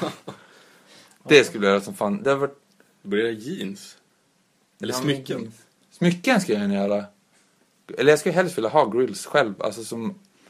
Men jag kollade där, det kostar typ flera tusen per tand om man ska dra ut varje tand och sätta in en silvertand. Det är så jävla... Jag har också kollat på det faktiskt. Ja, Det jag vill också verkligen. Man får ju slipa ner tanden och sen Mm. sätta den över. Jag skulle gärna göra det. Hela, hela underkäken ska jag gärna göra. Ding. Det, Bobby Blood, som spelar i Marauder och med First Blood, han har ju det, båda tandraderna, vitt guld har han. Ding, ding. För att han, tydligen så hade han, eh, han boxades jättemycket förut. Så han hade boxats och fått så mycket snytingar i, i munnen så att eh, tänd, tandköttet och tänderna hade som började ruttna av. Så han fick dra ut dem och så sätta in dem. Men det är synd, om man har guld också kan det vara som att tänderna ser svarta ut. Därför är det bra att ha vitt guld tror jag, eller silver. Polera ofta. Ja, det är det man måste göra. Polera dem. Men det är för... Jag önskar att eh, sneakers... Jag har som inget intresse av att här, samla på sneakers eller ha dem eller någonting. Men det, de är så jävla roliga att titta på. Det är som att titta på lösgodis typ. ju mer konstigt material och så... Ju space... Alltså Air Jordans, höga Air Jordans som är riktigt jävla utflippade. Som, som har typ tio olika plastmaterial och så här skumgummi och grejer. De är så jävla roliga. Det, det är coolt. Så här, en sån här 3D-räfflad hologrambild. Och, Ja, det är faktiskt det enda Och så knyter sig själva. som man Ja. kan, det plagg som man kan bära, om man nu kallar skor för ett plagg. Men där det är så jävla flippat. För det skulle ju aldrig funka om man hade en t-shirt som var hälften skumgummi nej, med en liten axel, axelvadd. Liksom. nej, exakt. Många har försökt. Som har sett ut som man, så här, framtidskläderna från femte elementet. Så jävla roligt. Ja. Men det, är, det, är, det kanske hade varit roligt att designa en sko, men, men jag, jag är ingen så här, jag är ingen... Det är ju många som är skosamlare. Men jag är verkligen ingen sån. Men jag tror att det är roligt med det just för att det är som, finns en sån, sån frihet i det. Mm. Har du några övriga som, eh, Dröm. som, som du gör många grejer åt? Eller är det mer enstaka uppdrag? Det är, jag har gjort mycket åt Håll Äkta ju, såklart. Men det är ju nästan samma. Jag har också... Det extra känns det som ett merchband. Ni har bra merch, men säljer ni bra? Jo, allt tar ju slut direkt. Ja. Men om du, bara, om du tycker att vi är ett merchband, vet du hur mycket jag skulle vilja gjort? Hur mycket vi har kollat upp som vi inte haft råd att göra? Alltså jag skojar. Den mappen som finns på min dator med så här färdiga skisser och färdiga filer för allting. Vad vi skulle vilja gjort. Fan. Oh, Wunderbaums och tygmärken och olika konstiga plagg. Men det går som inte att göra. Och bara design överhuvudtaget. Fan, en dag. Jag önskar fan kan bara få lite pengar. Eller bara något som man kan trycka upp alla de där roliga sakerna. Det vore svinfett. Fan. Heter det Wunderbans? Det kan ju inte Ja. vara så dyrt eller? Nej, det kan inte. Det finns också, det finns ju hemsidor, eller företag som just specialiserar sig på sådana där, du vet, här företags... Ja, Profilreklam. Ja, profi, ja, precis. Profilreklam heter det ju. Där kommer ju... Jag, jag ska fixa det där. Fan, så man kan fixa typ laserpekare och tändare och allt sånt där. Äktas merchbord, det är bara en katalog. Så får Ja. Typ Terror gjorde ju skosnören Snören. och Locust gjorde ju en sminkspeglar. Kommer jag ihåg? Jag har kvar den fortfarande. Det, vilka var det som gjorde boxningshandsken? Något sånt där sopigt. Han som fick en stöt på scenen. Jaha, ja, ja. Ja, Emure. Ja, Ja, ja. just det. de gjorde Typ boxningshandskar. Everlast boxningshandskar. Ja. Svårsåld merch, men... Skulle jag ha dem i pizza. Svinfett. Då ska vi ha, då ska jag göra löpartights ska jag kunna göra. Karatedräkt. Också. Kara- Bandana måste man göra för länge sedan. Karatedräkt var fett. På riktigt. Marauder ninja-dräkt. Ja, oh. Vi gjorde nyss, jag gjorde, eller vi gjorde magtröjor med, åt Cleo. Mag, både mag-hoods och mag-t-shirts. Det ska fler killar våga ha. Justy Tripp hade ju magtröja, började ha magtröja för typ två år sedan. Han var ändå tidig på det. Mm. Någon, ringar vore ju fett att göra alla sorters smycken. Det snackade vi om. Ja. Paus. Tja! Vi är tillbaks. En lättare telefonkonferens med faderskapet. Eh, ja, vad fan, vad, vad pratar vi om? Vi pratade, Merch. Vi pratade om merch. Ja, men fan, ty, tycker inte det känns lite lökigt att ha för, så här profilgrejer? Jo men det beror på vad det är. Om det är för ett band kanske, då, då är det liksom, jag vet inte men, men va, nej det tycker jag inte alls. Jag tycker att det handlar bara om kreativitet, att man inte behöver göra som alla andra gör. Varför ska man bara ha en jävla t-shirt? Det handlar ju, det är inget, det är inget ärligare med att man som band trycker upp en t-shirt än att man som band eh, trycker upp typ eh, ett, ett skoskydd. Nej, för det handlar ju bara om att man vill sprida sitt bands namn. Det handlar ju bara om, det är ju bara jävla PR. Om man då kan hitta på någonting roligt, mer än som är annorlunda, som folk kanske, folk kanske har mer användning av en penna då än, än en till vit t-shirt egentligen. Då är det bara bättre att göra någonting roligt. Ja, och så länge det inte finns några mellanhänder så, som, som eh, tar en bit av kakan så är det ju Ja. bara bra pengar in till banden Mm. och eh, man får reppa sitt favoritband. Liksom. Mm, exakt. Det är bara bra om man syns i andra sammanhang än eh, kläder nästan bara. Det tycker jag. Jag tycker man, fan det, eh, Om något band vill göra roliga saker, hooka med mig då så ska vi göra roliga saker. Jag ska bli bästis med en sån här profilleverantör. så man får helt, kan man börja trycka eh, sudd och typ såna här kolor och grejer. Man kan göra... Pepp, eh, det finns ju något företag som gör så här pepparkakor och man kan stansa in sin logga i. Det vet jag, när de kontoren som jag sitter på. För att de alltid får det från, från någon sån här mäklarfirmor och grejer så kommer de alltid tio olika företag som har samma pepparkaksleverantör fast det är olika loggor på pepparkakorna. Fast det här kakmerchen, den, är- den idén är redan tagen. Och vilka? Ja, kommer vara I buy my friends with cookies. Va? Vi har ju haft kakor med Håll Äkta när vi har varit nere och spelat i Södertjänst i typ två år i alla fall. Men man vill ju ha så att det, då skulle det ha varit spritsat Håll Äkta ovanpå eller någonting. Egentligen. det. Vi vill ha en egen pizza. Ja, det hade varit fett. pizzeria i Luleå. pizza. Ja, Ja! det är en Billys. Ja! En falafelrulle, hellre. Ja, men typ. Där det, där det är inbränd namnet Ja. på pitabrödet. Fy fan vad snyggt. Eller på falafelbollarna. Då ska det vara pyramidfärgade falaflar ska jag vilja ha. Nej, pyramidformade. Eller om de är, eh, salladsbladen är utstansade också som... eh, Det kan bli jävligt dyr falafel därför. Mm. Det är bra, Stockholmsfalafel. Fy fan vad jag älskar energidrycker. Jag har aldrig lärt mig dricka kaffe. Men jag hade lärt mig dricka kaffe. Jag älskar det här istället. Får Det blir. Hjärtklappning för fan. Jo, det är det som är grejen. Visst. Ehm, ja, har du några andra projekt på gång då? Alltså, på tal om energidryck. Jag skulle vilja göra en hjortrongranatläsk. Det skulle jag vilja göra. En hjortronläsk såklart. Mm. Mm. Inte, och inte så här. Det finns så jävla mycket mikrobryggerier nu. Det har ju verkligen blivit en, eh, så här, män som ska stå och göra någon liten öl i något träfat. Eller hålla på och så ska man tappa det på någon snygg glasflaska och så ska det säljas så här genuint hemgjort crap. Känner mig lite träff, träffad där. Ja, Jag har gjort sorry. det. sorry. Ja, men Det smakar finns, skit, gick inte att sälja. Nej men det, det, det finns hur många som helst bara i lilla Umeå som säljs också. Men det är också så här, det är ändå fint att man tar- tillbaka det så hantverksmässigt, att det inte blir så ful dricka. Men jag vill göra, jag skulle vilja göra en riktig jävla smutsläsk på burk. 33 centiliters burk. En, Socker ska vara före vatten på innehållsförteckningen. ja, så det ska inte vara ett enda riktigt ämne i det. Hjortron, hjortron, en hjortrongranatläsk, alltså baserad på den här hjortrongranat-logon som jag har, som är som en, hjort- ett hjortron-granat. Med att hjortronsmak och så granaten, det får representeras av typ antingen i- ingefära eller chili smak. Så gör man så, bara fan knallorange läsk. Det ska synas i pisset när det, när man, efteråt. Och så bara färgämnen som helvete, socker och så jävligt splashig design har man på. Färger överallt. Så det ska jag fixa. Ska det bara säljas på små såna här livs här i Stockholm där de säljer alla så här konstiga importerade serietidningsläskor. Det, det, det låter som det skulle kunna funka. Jag tror det också. Så ringa Spendrups eller något. Ja, för då kan jag starta så här, kan jag ha som en liten distro, så kan man tar, göra det där tillsammans med så här USB-minnen och pepparkakor och sånt. Fan gjorde en terror energidryck? Ja, jag tror de fick... Eller var det ett skämt? Nej, var det jag inte tror någon de sån här deal? fick någon specialburkar för att de var monstersponsrade. Just det, de fick de bara ett limiterat antal. Ja, jag fick för mig det. Jag tror Monster gjorde det säkert åt en jävla massa olika band. Jävligt fett ändå, det är ju. Monster går in och sponsrar typ varenda jävla band som kommer hit. Eller europeiska band som startar.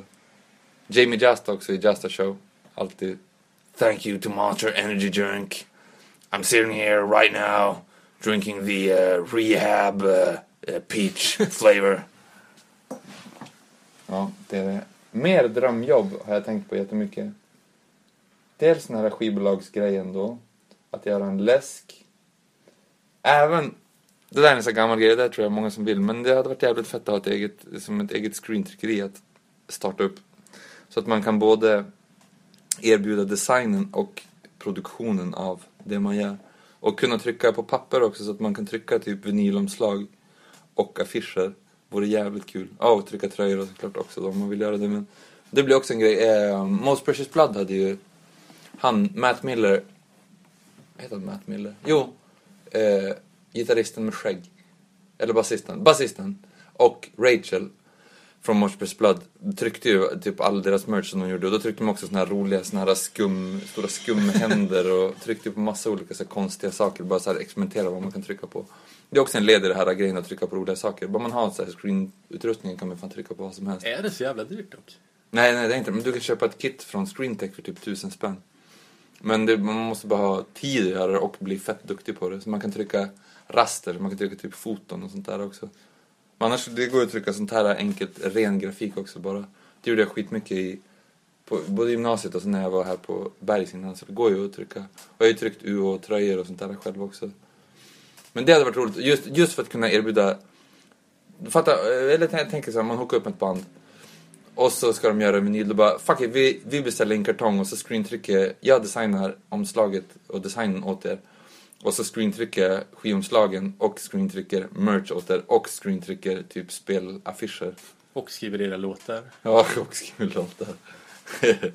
Men det vore så kul att bara ha den här hela cirkeln av det. Och att det, att det finns någonting som är mer ett hantverk också av det, som inte bara är en jävla dataskärm. För det är det som är roligt med att illustrera också, att, att det är på riktigt. Mm. Det vill jag göra. Någon gång ska det komma igång också. Mm. Ja, har du några andra grejer i pipen? Några mer eh, alltså, konkreta saker? Som ska hända. Ja. Det är...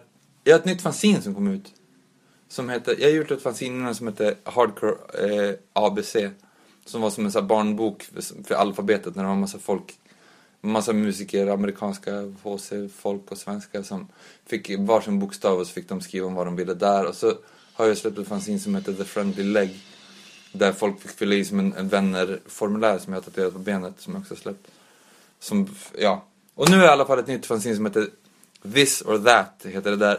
En massa folk har fått eh, såna här antingen eller-frågor som man bara fått välja ett alternativ av dem. Typ, eh, Pest eller kolera? ja, men typ sånt. Typ eh, Tomten eller eh, Axl Rose. och så måste man välja en av dem. Så jag suttit och skickat runt med typ 30 pers. Runt om, typ eh, Vinny Stigma och Jorge från Marauder och eh, Dennis Lyxzén och Justice Tripp och det var massa, massa, massa, massa folk bara. Så det kom ut nu. Jag måste bara, det enda som jag behöver det är att eh, jag måste ha, ha råd att bekosta det. Så det här är ett, eh, en förfrågan. Om det är någon som känner att de vill gå in och betala för tryck, trycket. Du kan ta pre-orders. Ja, det, det kan jag göra. Vad kostar det tryck? Det, måste, det kostar inte så mycket, tre- 3000 kanske. Att trycka. Om det är någon som är peppad på att göra det, hojta till mig då. Så kör vi en deal. För att jag har fortfarande, på de andra fanzinen och på den här så har jag distro genom Death Wish, Revelation och Bridge 9 och Refuse och Cortex och massa så. De andra sålde jag, fick jag ut 500 ex av var. Det Så de är fick en- mycket. Ja, det är så kul att få, det är så jävla gött att få, från att falla upp den här jävla fanzinen som jag gjorde då i, i mellanstadiet, högstadiet, till att få fortfarande göra nu när allt bara är blogg och allt är, Att, att verkligen så här, kunna skicka ut det till band och ha det på så här riktiga distros och grejer. För jag vet också att folk läser, man läser det när man sitter i bussen eller läser det på tunnelbanan. Det finns fortfarande något behov av det och att det blir mer riktigt på att det är papper. Man vill inte vara en sån här bakåtsträvare ändå, men jag älskar Det ändå är en helt fortfarande... annan sak. Ja, det är väl det. Och, jag, och det här jag snackar med, med skivbolagen också när typ ingen gör skivor eller någonting. Jag önskar verkligen att det fortfarande fanns, att skivor och skivomslag fortfarande var så viktigt som det kanske var då. Det är väl det fortfarande för en del, så här, de som verkligen gillar vinyl, men det hade varit kul om det var lika allmän eh, gillat och allmänviktigt som, som förut.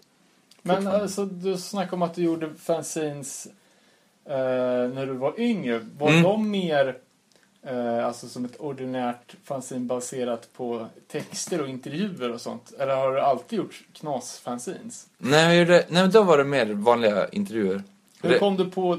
Vilket var ditt första fanzines då som var utanför själva fanzine-mallen? Fanzine-mall. Ja men alltså Ja, att det inte är baserat på intervjuer till exempel. Jag, gjorde, jag hade ett projekt som hette Ta det lugnt. Som jag gjorde, började 2007 först.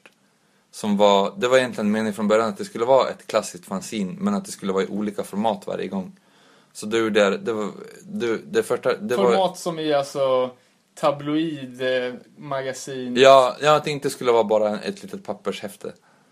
Men det hade ju inte just med just hardcore göra, men det var ju ett fanzine. Men den första gjorde jag då som en pappersfanzine för att det var nästan som en revival. För att just då så gjordes det inte så mycket vad jag vet i alla fall. Och sen den andra numret gjorde jag, det var typ jag och mina polare, jag och några, jag och några polare som bara gjorde konstiga krönikor och sådär små konstiga artiklar om, det var allt möjligt skit, typ eh, domedagsfilmer eller om varför alla tyckte det var så jävla coolt och att man skulle ha ADHD ett tag. Det var verkligen så här tomma grejer, så här, lister och så skämt och ja, pff. Skitsamma. Det, och, och, men då, och andra numret gjorde ju som en jätte, jättestor affisch, sån här 70-100 affisch som man kunde sätta upp på väggen och läsa alla artiklar så här. Och nummer tre tatuerade jag in på, runt hela benet. Så jag tatuerade in alla artiklar längs, rrt, runt här. Det var ju massa kalabalik. Och Då var vi med, då var vi typ TV4 Nyhetsmorgon med Tilde Paula och SVT och Aftonbladet, startsidan och Wall Street Journal. Det var kaos ju. Och så gjorde jag den numret som efter det gjorde jag ju som en robot som stod inne på en klädbutik som heter Ki i Umeå där man gick in på internet på tarolugnt.se och så skrev man in i, skrev man in i en liten ruta och så sa roboten där, där den stod där i butiken. Den stod och sa vad folk sa. Så vad man sa- säga? Ja, Okej, ja då, kan ät min kuk. Typ så.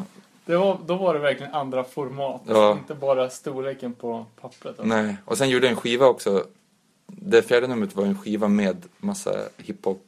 Med Mofeta Järre och Beldina var med och, och eh, Cleo och Alexander Junoblad och Kaotiko och massa grejer. Så det var det som det enda som inte var utanför. Men innan dess hade jag gjort, jag satt ju och ritade som så här, egna små tidningar som jag kopierade upp när jag, när jag gick i mellanstadiet. Men första hardcore-fanzinet var i sexan. Och det hette Medicine, alltså som Med ordvitsen. Ja. Jag fick dem så bra hook då, för då är internet ganska... Jag satt och, jag, jag satt och sådär brevkorresponderade ganska länge också med han Dave Peters från Throwdown. Eh, Han som spelade gitarr i Throwdown i början, som började sjunga sen när de vart Pantera. Right. Och med, med Dave Quiggle och med... Ja, Jacob Baden hade jag, han intervjuade då, men jag hade som så bra kontakt med folk då. Marco från Join the Team Player som nu har Avocado Booking. Han sjöng i ett band som heter My Hair Die Today och sen ett band som heter Painted Town Red. Han hade jag kontakt med skitlänge också och med en tjej som heter Danielle på Victory Records. Just alla de här kontakterna som skickade saker emellan. Och med eh, Aaron Turner på Hydrohead från, från Isis. Som ändå höll kvar kontakt med länge. Jag tror att just för att de trodde att jag var de kanske trodde att det här fanzinet var större än vad det var. Men Ja, man vill ju gärna få det att låta. jag gjorde det bara några, några få hundra ex typ och fick ut det. Men det var också bra ruljans på band. Och det var ju som runt eh, typ när punkfesterna började vara uppe i Umeå. Och Galaxen fortfarande fanns och sånt där. Så det var ändå så här, fanzine var ju som igång då fortfarande. Finns de här gamla grejerna och för all del de nyare ABC och Finns det sparat någonstans? Mm, jag har allting. Jag har alla de kvar.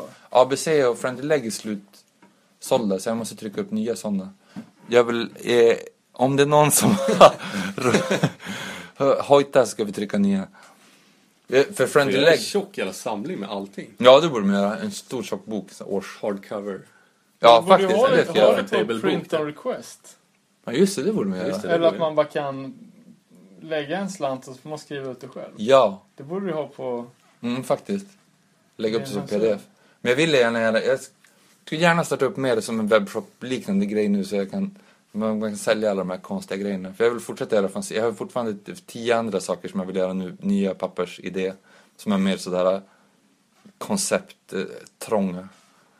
Som man kan göra. Det, jag tänker också att det är roligt att göra nu när det finns då. Det, folk lägger upp intervjuer på Youtube och folk intervjuar på internet och sånt där. Då kan det vara roligt att göra de här mer konceptlagda grejerna som är verkligen så här smala. När de bara är typ skriv en lista på det här eller välj typ några små skitgrejer. Också för artisterna tror jag att det blir roligare för dem att inte bara hålla på. För det krävs ganska lite tid av dem oftast om jag bara kan skriva och hooka med dem. Eller, kan du fylla i mitt ben när vi träffas? Och sånt där. Det, den, The Friendly Leg har ju dessutom, jag gjorde ju som två nummer av det men det är bara en som är tryckt. En ligger bara på internet. Som jag ska bara trycka om. benet. Ja, en på ben. Den bästa in. Vem skulle det vara? Om vi fick fylla i Björk kanske? Om Björk fyllde i då skulle jag kunna tatuera in Ja. Björn Skifs. Ja, Björk skifs. Björk. Eh, Du gjorde ju an- ett annat eh, syn som var lite mer fotobaserat. Som Ja. kom ut ganska nyligen. Hur... Mm. Ja, berätta. Det är ett fanzine som heter BU. B-U-H utropstecken. Som bara är eh, foton på folk som jag har skrämt och fotat. Så att jag När bara... de blir skrämda eller? Ja, så att jag bara har hängt runt och gömt mig eller suttit i någon garderob och så när de har kommit in så eh, har jag bara kamera. Jag gjorde den med sån här, det är så, alla de här digitalkamerorna har jag alltid som ett lagg. Alltså det går, tar ändå typ en, en halv sekund innan de tar foton. Det är det största problemet sen digitalkamerorna kom från första början för typ 15 år sedan när de började med de här som diskett. Och det körde du så en, engångs Ja, så jag hade, så jag hade engångskameror med blixt. Så man fick sitta, jag fick sitta och hålla i. Jag tror jag fotade med tre eller fyra kameror. Och hälften, det är så jävla dålig kvalitet på dem, så hälften av fotona kunde inte användas. Men de som gick i alla fall, så väntade bara. Lurade runt massa folk. Och så, bah! och så fotade man. Så det vart ju skitbra. Så det, var, det fanns inte bara foton på så Massa folk från hardcore-scenen och massa folk som är mer bara Lättskrämda. Ja. Mm. Så det, den finns också någonstans. Den är gjord på så snyggt papper också, som vi snackade om, så här gammalt ofärgat papper. Så den finns också. Men det, det är ju bara roligt format, så här små pillerill och så här i papper. Jag, också, jag och min kompis Anders Engberg har också gjort ett fanzine som heter Mås. Som är, som är, eh, undrar om jag har det här någonstans. Som i fågeln eller som hur, Ja, hur som man i- mår? Nej, fågeln. Som är eh, eh, folk, folk som har... Eh, eh, folk som har... Eh, Måsar som husdjur. nej, men fo- folk som har namn som låter lite grann som att det är... Som att de har må, mås som namn. Funkar Vadå? Nu funkar det inte. Daniel Mås Nej, men typ eh, Måsson. Måsferatu och typ Dr. Cosmos och... Eh, Mozart. Ja, Mozart, men han, han var den enklaste. Eh, Mås i Måsborn. Så vi gjorde, så han, vi hade, vi har gjort, det är här porträtt, så att vi, foton på dem och så här målade, ommålade till måsar. Men vi gjorde inte det i så många ex, vi, den hand, handskar vi och printade ut dem och så handskar vi dem i små så här A6-format och så målade måsskitar på framsidan. Men den finns, den kan också komma någonstans. Ah, ni, Jag måste ni, jag kan visa, jag kan lägga, vi kan lägga upp länkar till det här sen. Det som är mest fantastiskt med det här är att de här grejerna verkligen genomförs. Verkligen. Ja, eller hur? Att det, det, man får en kul idé, men sen att verkligen löpa linan ut och få det på print. Har du många grejer som, som inte kom förbi i det stadiet? Men ja, det är. Jag sitter ju fortfarande, jag har ingen iPhone eller något sånt där. Jag sitter ju fortfarande och skriver ner idéer i, i skrivböcker. Så de är bara fulla med skit som går tillbaka till alltid. Det är typ det viktigaste man kan ha, så här gamla anteckningar. För plötsligt, man skriver ner någonting och sen typ tre år senare, då blir det fett. Man måste sitta och bläddra, typ en gång i halvåret. Eller en gång per år i alla fall ska man alltid sitta och kolla igenom sina. Eller, om man, eller fan sina, sina, sina anteckningar på iPhone. Telefoner.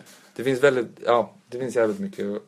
Jag tror aldrig, men jag tror inte det är så för så mycket folk som håller på med, om man ska göra sig kreativa saker ändå, att man sitter och har sådär idétorka. Det finns alltid Det finns... Eh, man hinner väl alltid kanske utföra kanske bara en av hundra grejer som man vill göra. Men det, fan det kommer komma mer. Tänk om man bara hade oändligt med pengar. Det är bara där, där det sitter. Man behöver bara lite pengar och, och kontakter. Tid också kanske. Ja, exakt, man brukar ju prata om att det är de tre, de tre olika grejerna som behövs. Pengar, tid och energi. ja, Och det är peng, pengar, pengarna som är bristen för dig just nu. ja Det det är är det. inte energin i alla fall. Nej, det är inte energin. Vadå, är det någon grej? Det är alltid något som saknas. Ja, men när man är barn... man pengar så har man när man är barn så har man ju hur mycket tid som helst och hur mycket energi som helst. Man har inga pengar. När man är vuxen så har man hur mycket pengar som helst, hur mycket energi som helst, men man har ingen tid. Och när man är gammal Mm. så har man ingen energi, men man har pengar och tid. Exakt så är det ju. Kolla, här...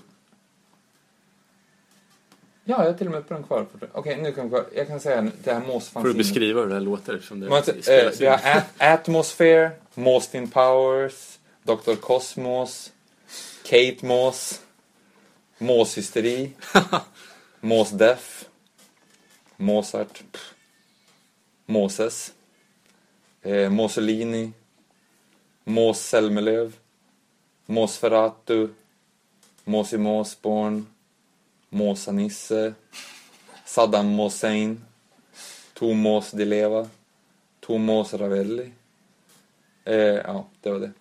Så det för sin... Var den slutsåld? Den där hade jag velat ha. Ja, men för... tror vi, ja, vi gjorde bara 20 stycken. Aj, För att det, vi hade satt oss, jag skar allt och häftade allt för hand. Det blir så jävla mycket grejer att göra. Men det, det kommer upp sen. Men jag, jag ska starta upp något mer. Alltså grejen är så här nu också. Nu bor jag här i Stockholm sedan två månader tillbaka och har åkt från Umeå och allting. Så nu, det, känns, det skulle kännas roligt att starta upp något lite mer nytt när jag kan sitta och bara sälja, typ en hemsida jag kan bara sitta och lägga upp lite saker så jag fan tjänar några pengar. För jag frilansar ju också fortfarande som så här ritar det här, gör någon logga där och det går som aldrig ihop där. Jag tänker att jag ska ha något riktigt jobb någon gång och så här fixa. Jag skulle kunna jobba som, okej det här är saker som jag skulle kunna jobba om som inte har något med design att göra. Jag skulle kunna stå och skala morötter hur länge som helst. Det är så satans skönt. Bara sup, sup, sup, dum, sup, sup, sup, dum. Inte potatisar eller någonting, det är som så svårt att snurra. Morötter är som bara man håller i så här. Jag skulle kunna jobba på Skapligt specifikt yrkesval. Ja. Jag skulle kunna skott, skotta tak på vintern.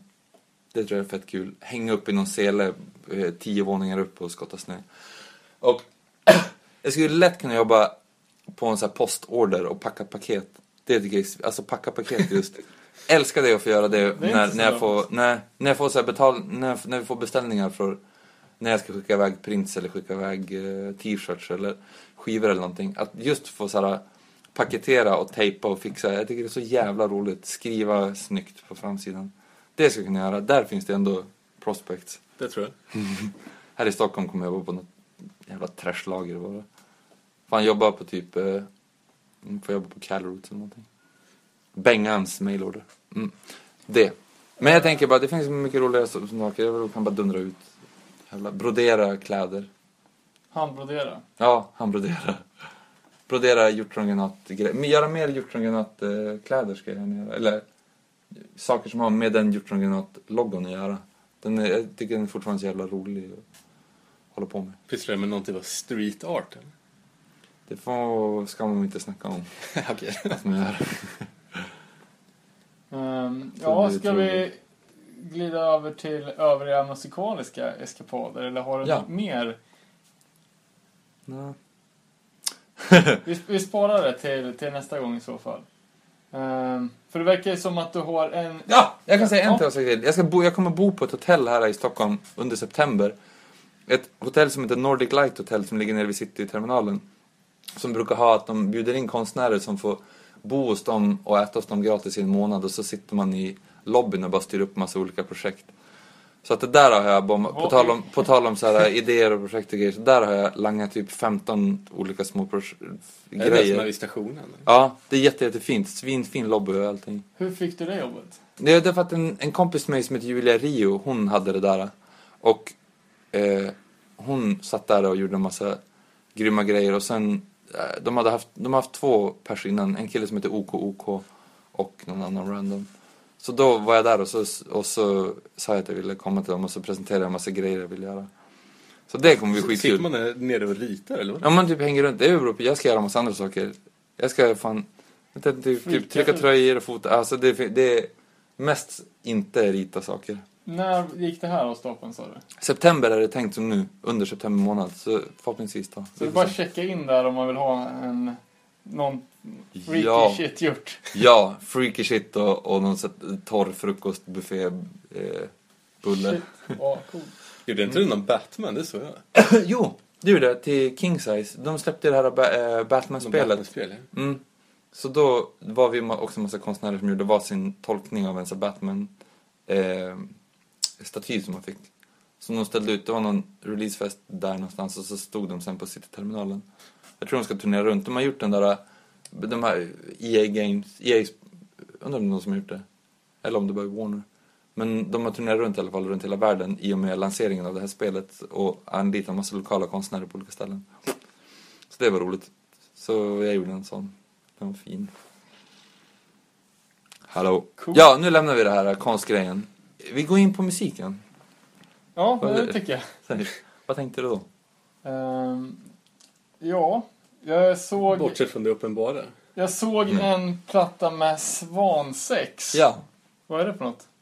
det är ju mitt, ett projekt som jag haft egentligen sen gymnasiet.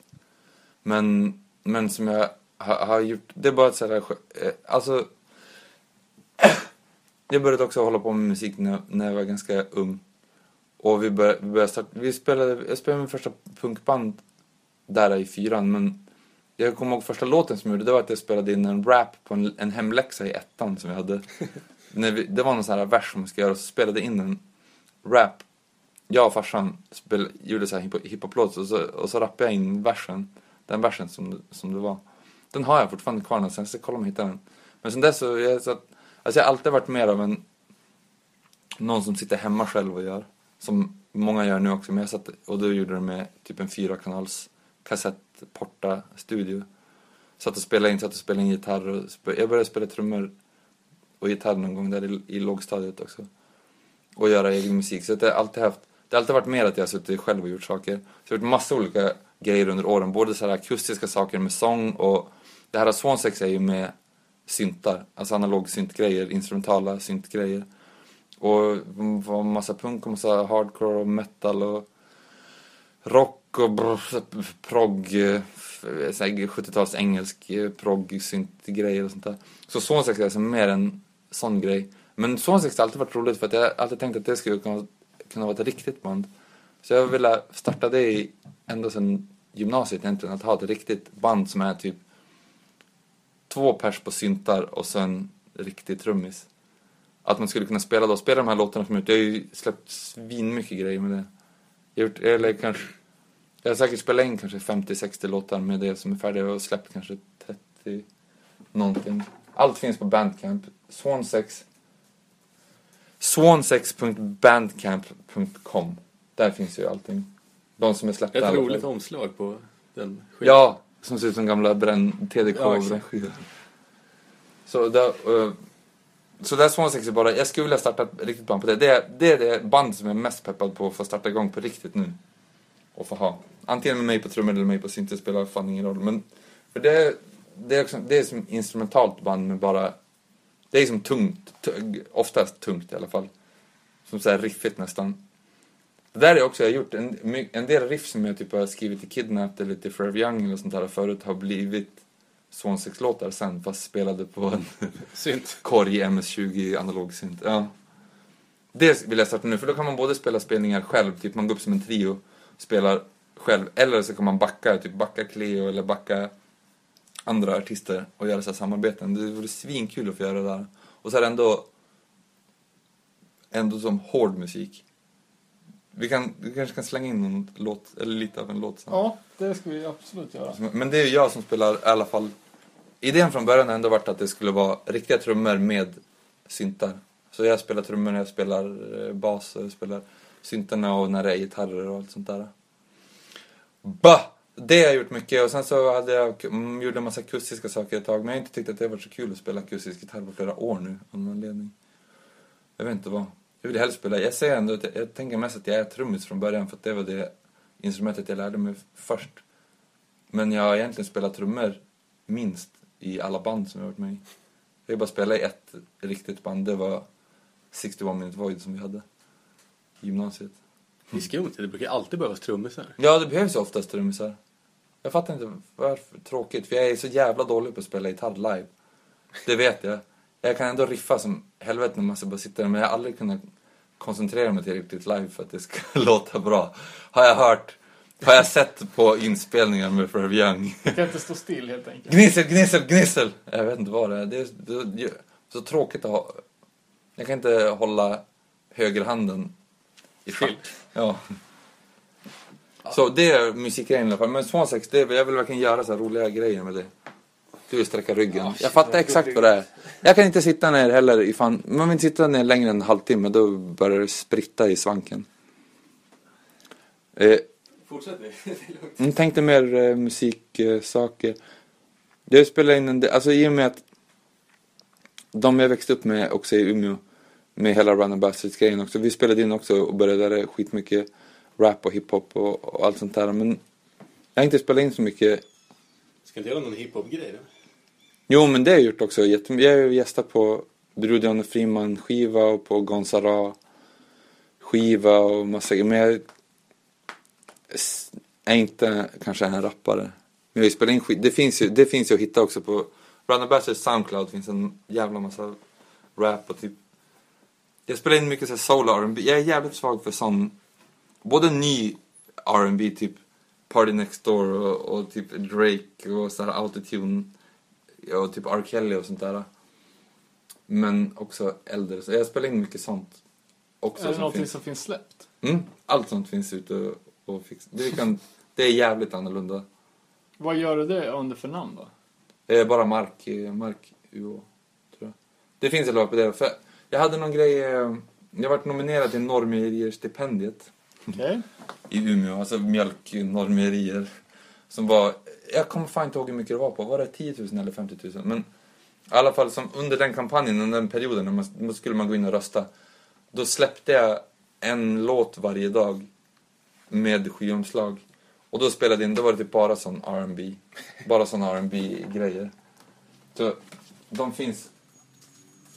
Vänta, förlåt. Mm. De finns att hitta de finns att hitta på Soundcloud. Soundcloud.com slash runabastards, där ligger allt sånt också. Jag tror att de... Jag, tror, jag tänker att de flesta inte, som gillar hardcore kanske inte gillar det men det är bara rolig lek i alla fall. Så det bara hända, eh, producera bara, det är så, här, typ elektron, bara elektroniska beats och, och rap eller R&B sång på. Och med de här jävla kaos skivomslagen. Här är alla låtarna. Men jag vann ju inte det jävla stipendiet, så det var ett helvete. Vem vann? Ida Östensson i och för sig, hon som eh, startar... Eh, skategrejen. Mm, skategrejen och fatta. Vi har gjort, eller jobbat med fatta-grejen tillsammans. och Så. så hon var egentligen värdigare än jag. Jag är ju bara tjoller och hon gjorde som riktiga, riktiga saker. Vi får se, en annan, ett annat Men år. hon drar sig in så mycket pengar ändå så. Det är ju det. Nej, jag vet inte om jag gör det, men... Det hade varit gött med lite pengar på fickan där. Från korna. Kopengar, det är de bästa pengarna. Kopengar, ja. Men du kan få ett flak med, med Gainomax istället. Bernhard. Ja, vad säger ni? Har vi något mer? Mm. Eh, eh, vi avrundar. Jag kan inte babbla på ett helt avsnitt på så här. Nej. Vi är uppe i 55 minuter snart. Nej, det blir att klippa. Nej, nej, nej. Men eh, lägg upp, eh, lägg upp massa länkar till musik och till bilder på... Ja, Ja, eh, vi har ju någon typ av eh, förhoppning här att du ska kunna tidskoda det och lägga upp bilderna så att när vi pratar om en viss grej så ser man 32 sekunder, ja då är det det här. Och eh, Mm. efter en minut och 10 sekunder då kommer den här bilden. Ja. Vi ser om det går att genomföra, annars så får man ju bara lita på sin fa- fria fantasi. Ja. Faktiskt. Eller så lägger vi upp bilderna på hemsidan. Ja, nej, men vi, vi, det, är- det är målet i alla fall. Ja, i alla fall Ja. F, på FB. Men det är det. Strålande. Vad händer mer? Framtiden?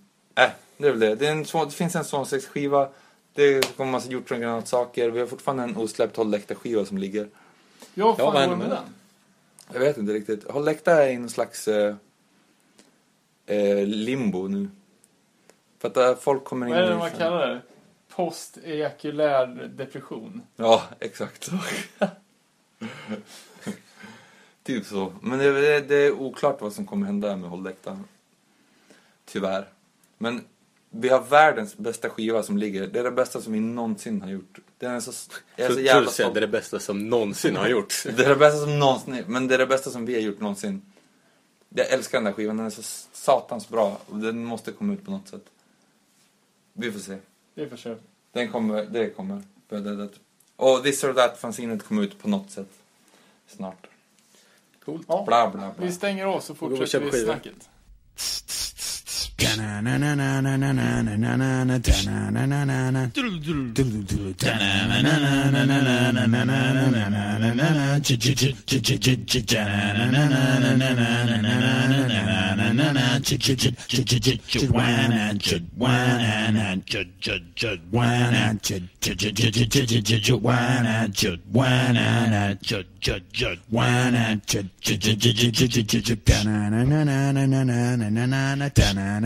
na na na na